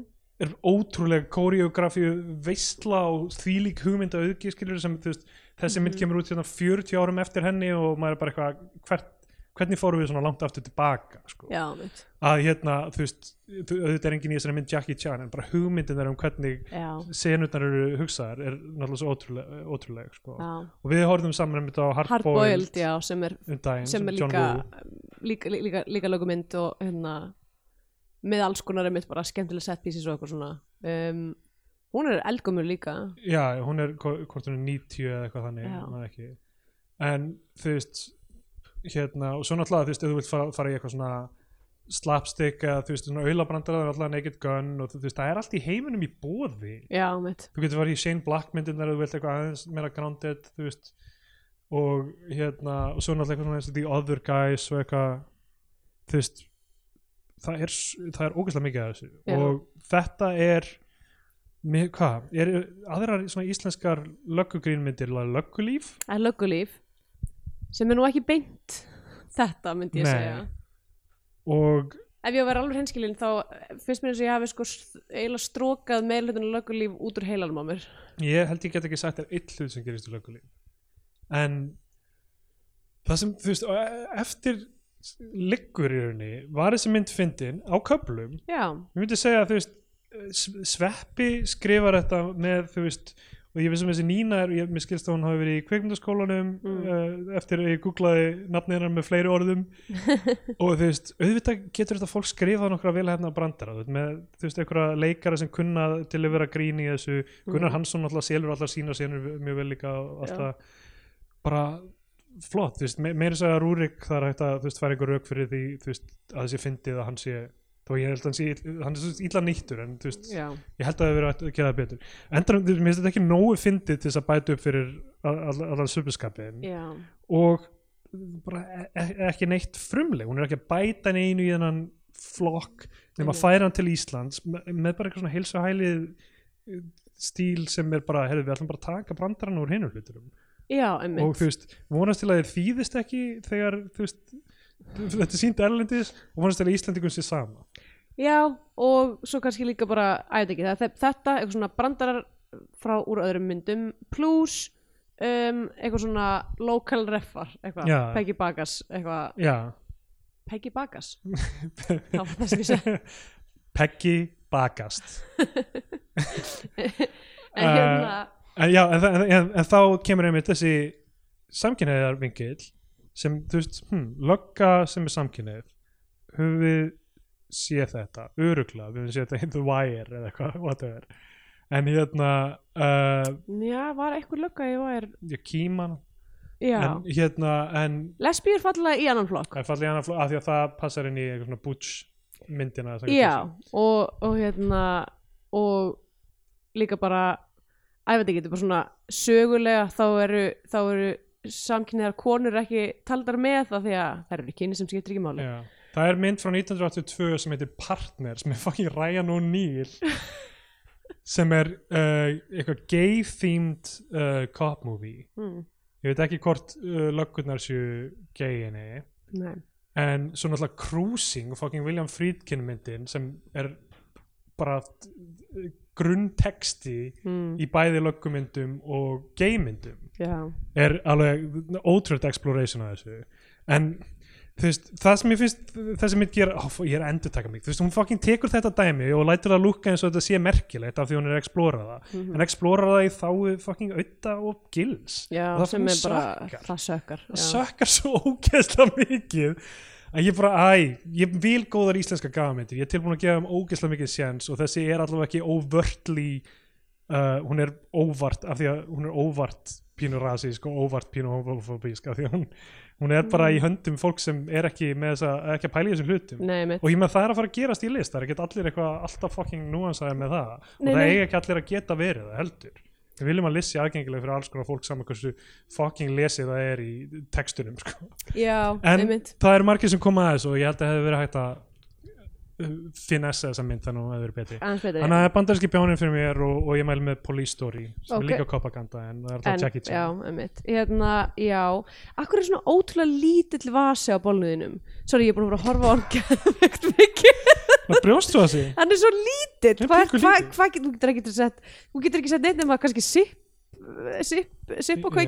eitthvað. Þetta er fyrir magnum smokkana sem ég kaupið sko.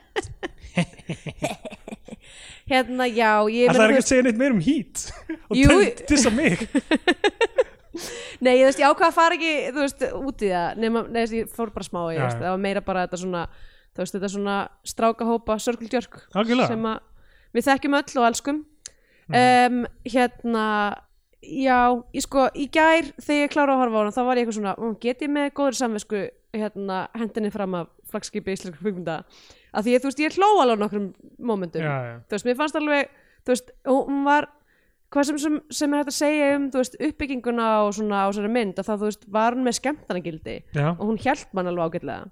Já, um, en svo núna þegar þú veist, ég er búin að tala um hana í meir en klukkutíma brjóta niður þessa atbyrðarás Já, já. og allt það, þá er ég bara eitthvað æ, þetta er ekkert merkilega pappir Nei. bara alls ekki þannig að, þú veist, mér líður betur með það að, hérna, að neytinni að Já, Að þetta, er, þetta er bara eftir, eftir þessi íslenski monokultúr kultúr, það er bara sama fólki sem á að vera frækt og fyndi og auðvitað er, er það talentet á margan átt og, og getur skrifað einstaklega góða brandar og eitthvað þannig. En það er bara, þú veist, þetta vill verða vinsalasta mynd Íslandsögunar og þá er hún að miða á mjög svona vítt breytt skotmark sem er, sem að er það að apparently samkvæmt uh, já, fólkinu sem að var í fucking smárabíó eða hvar, hvar sem það var uh, finnst bara argandi fyndið ennþá að vera gay. Já, já. og ef að það er það sem að fólki á Íslandi finnst fyndið þá er þessi mynd að vera þú og ég er með yfirlýsingu hérna til að fyrir ykkur hlustundu Bíotví og þeir kannski látið fólk vita þessu við, við, erum, við erum okkar karakterir sem þetta er núna bæði gay þannig að veist, allt sem við sem segjum hérna segjum, frá er fyndnar út frá því sko. að því við erum gay. Af því að þú veist, ég eins og Gilsin að gera náttúrulega að leika karakterin Steindur Já. þegar ég sem Einmitt. og vegna er líka einnig ekki hægt að Nei, nákvæmlega. Uh, já. Þannig að ég ætla bara einfallega að gefa þessari mynd bandarska bjánun líka. Uh, þrátt fyrir að þú veist, að ég veit ekki málega bara reglar með það, bandarska bjánun, íslenska fánan er, myndi ég mæla með fyrir eitthvað fólk, Íslandi eða Erlandis að horfa á þessa mynd. Er ég að mæla með þessu með einhvern að því að, útlending? að, að því við búum inn í Þýskalandi og mjög oft spyr fólk með eitthvað svona, á ok, þú er sérfræðingur íslenskum kvikmyndum. Eitthvað, hvaða íslensku mynd ætti ég að horfa á? Held ég að vera bara farðu verður að sjá Cop Secret. Það var svo kopp sígrun Du musst Cop Secret anschauen Es ist so lustig Herra, Það komið að leiða lokum hjá mér og meistara Andriu Queen Gatinni Queen Gaten, yeah! Ok, má ég þetta ekki vera drottning podcastana Já, hérna, ég náttúrulega fekk ekki að mæla með mynd en viltu giska hvað mynd það er? Heat? Já! Ég ætla að láta strákana í grúppinu vita þú uh, já, ok, við erum þá bara að, um, Þetta er búið að vera aðeins lengri í 70 mínútur en ég meina að vera að já, ég meina þú veist, þegar þeir segja 70 myndir þá segja við 80 plus Sure, ok Bye. Bye.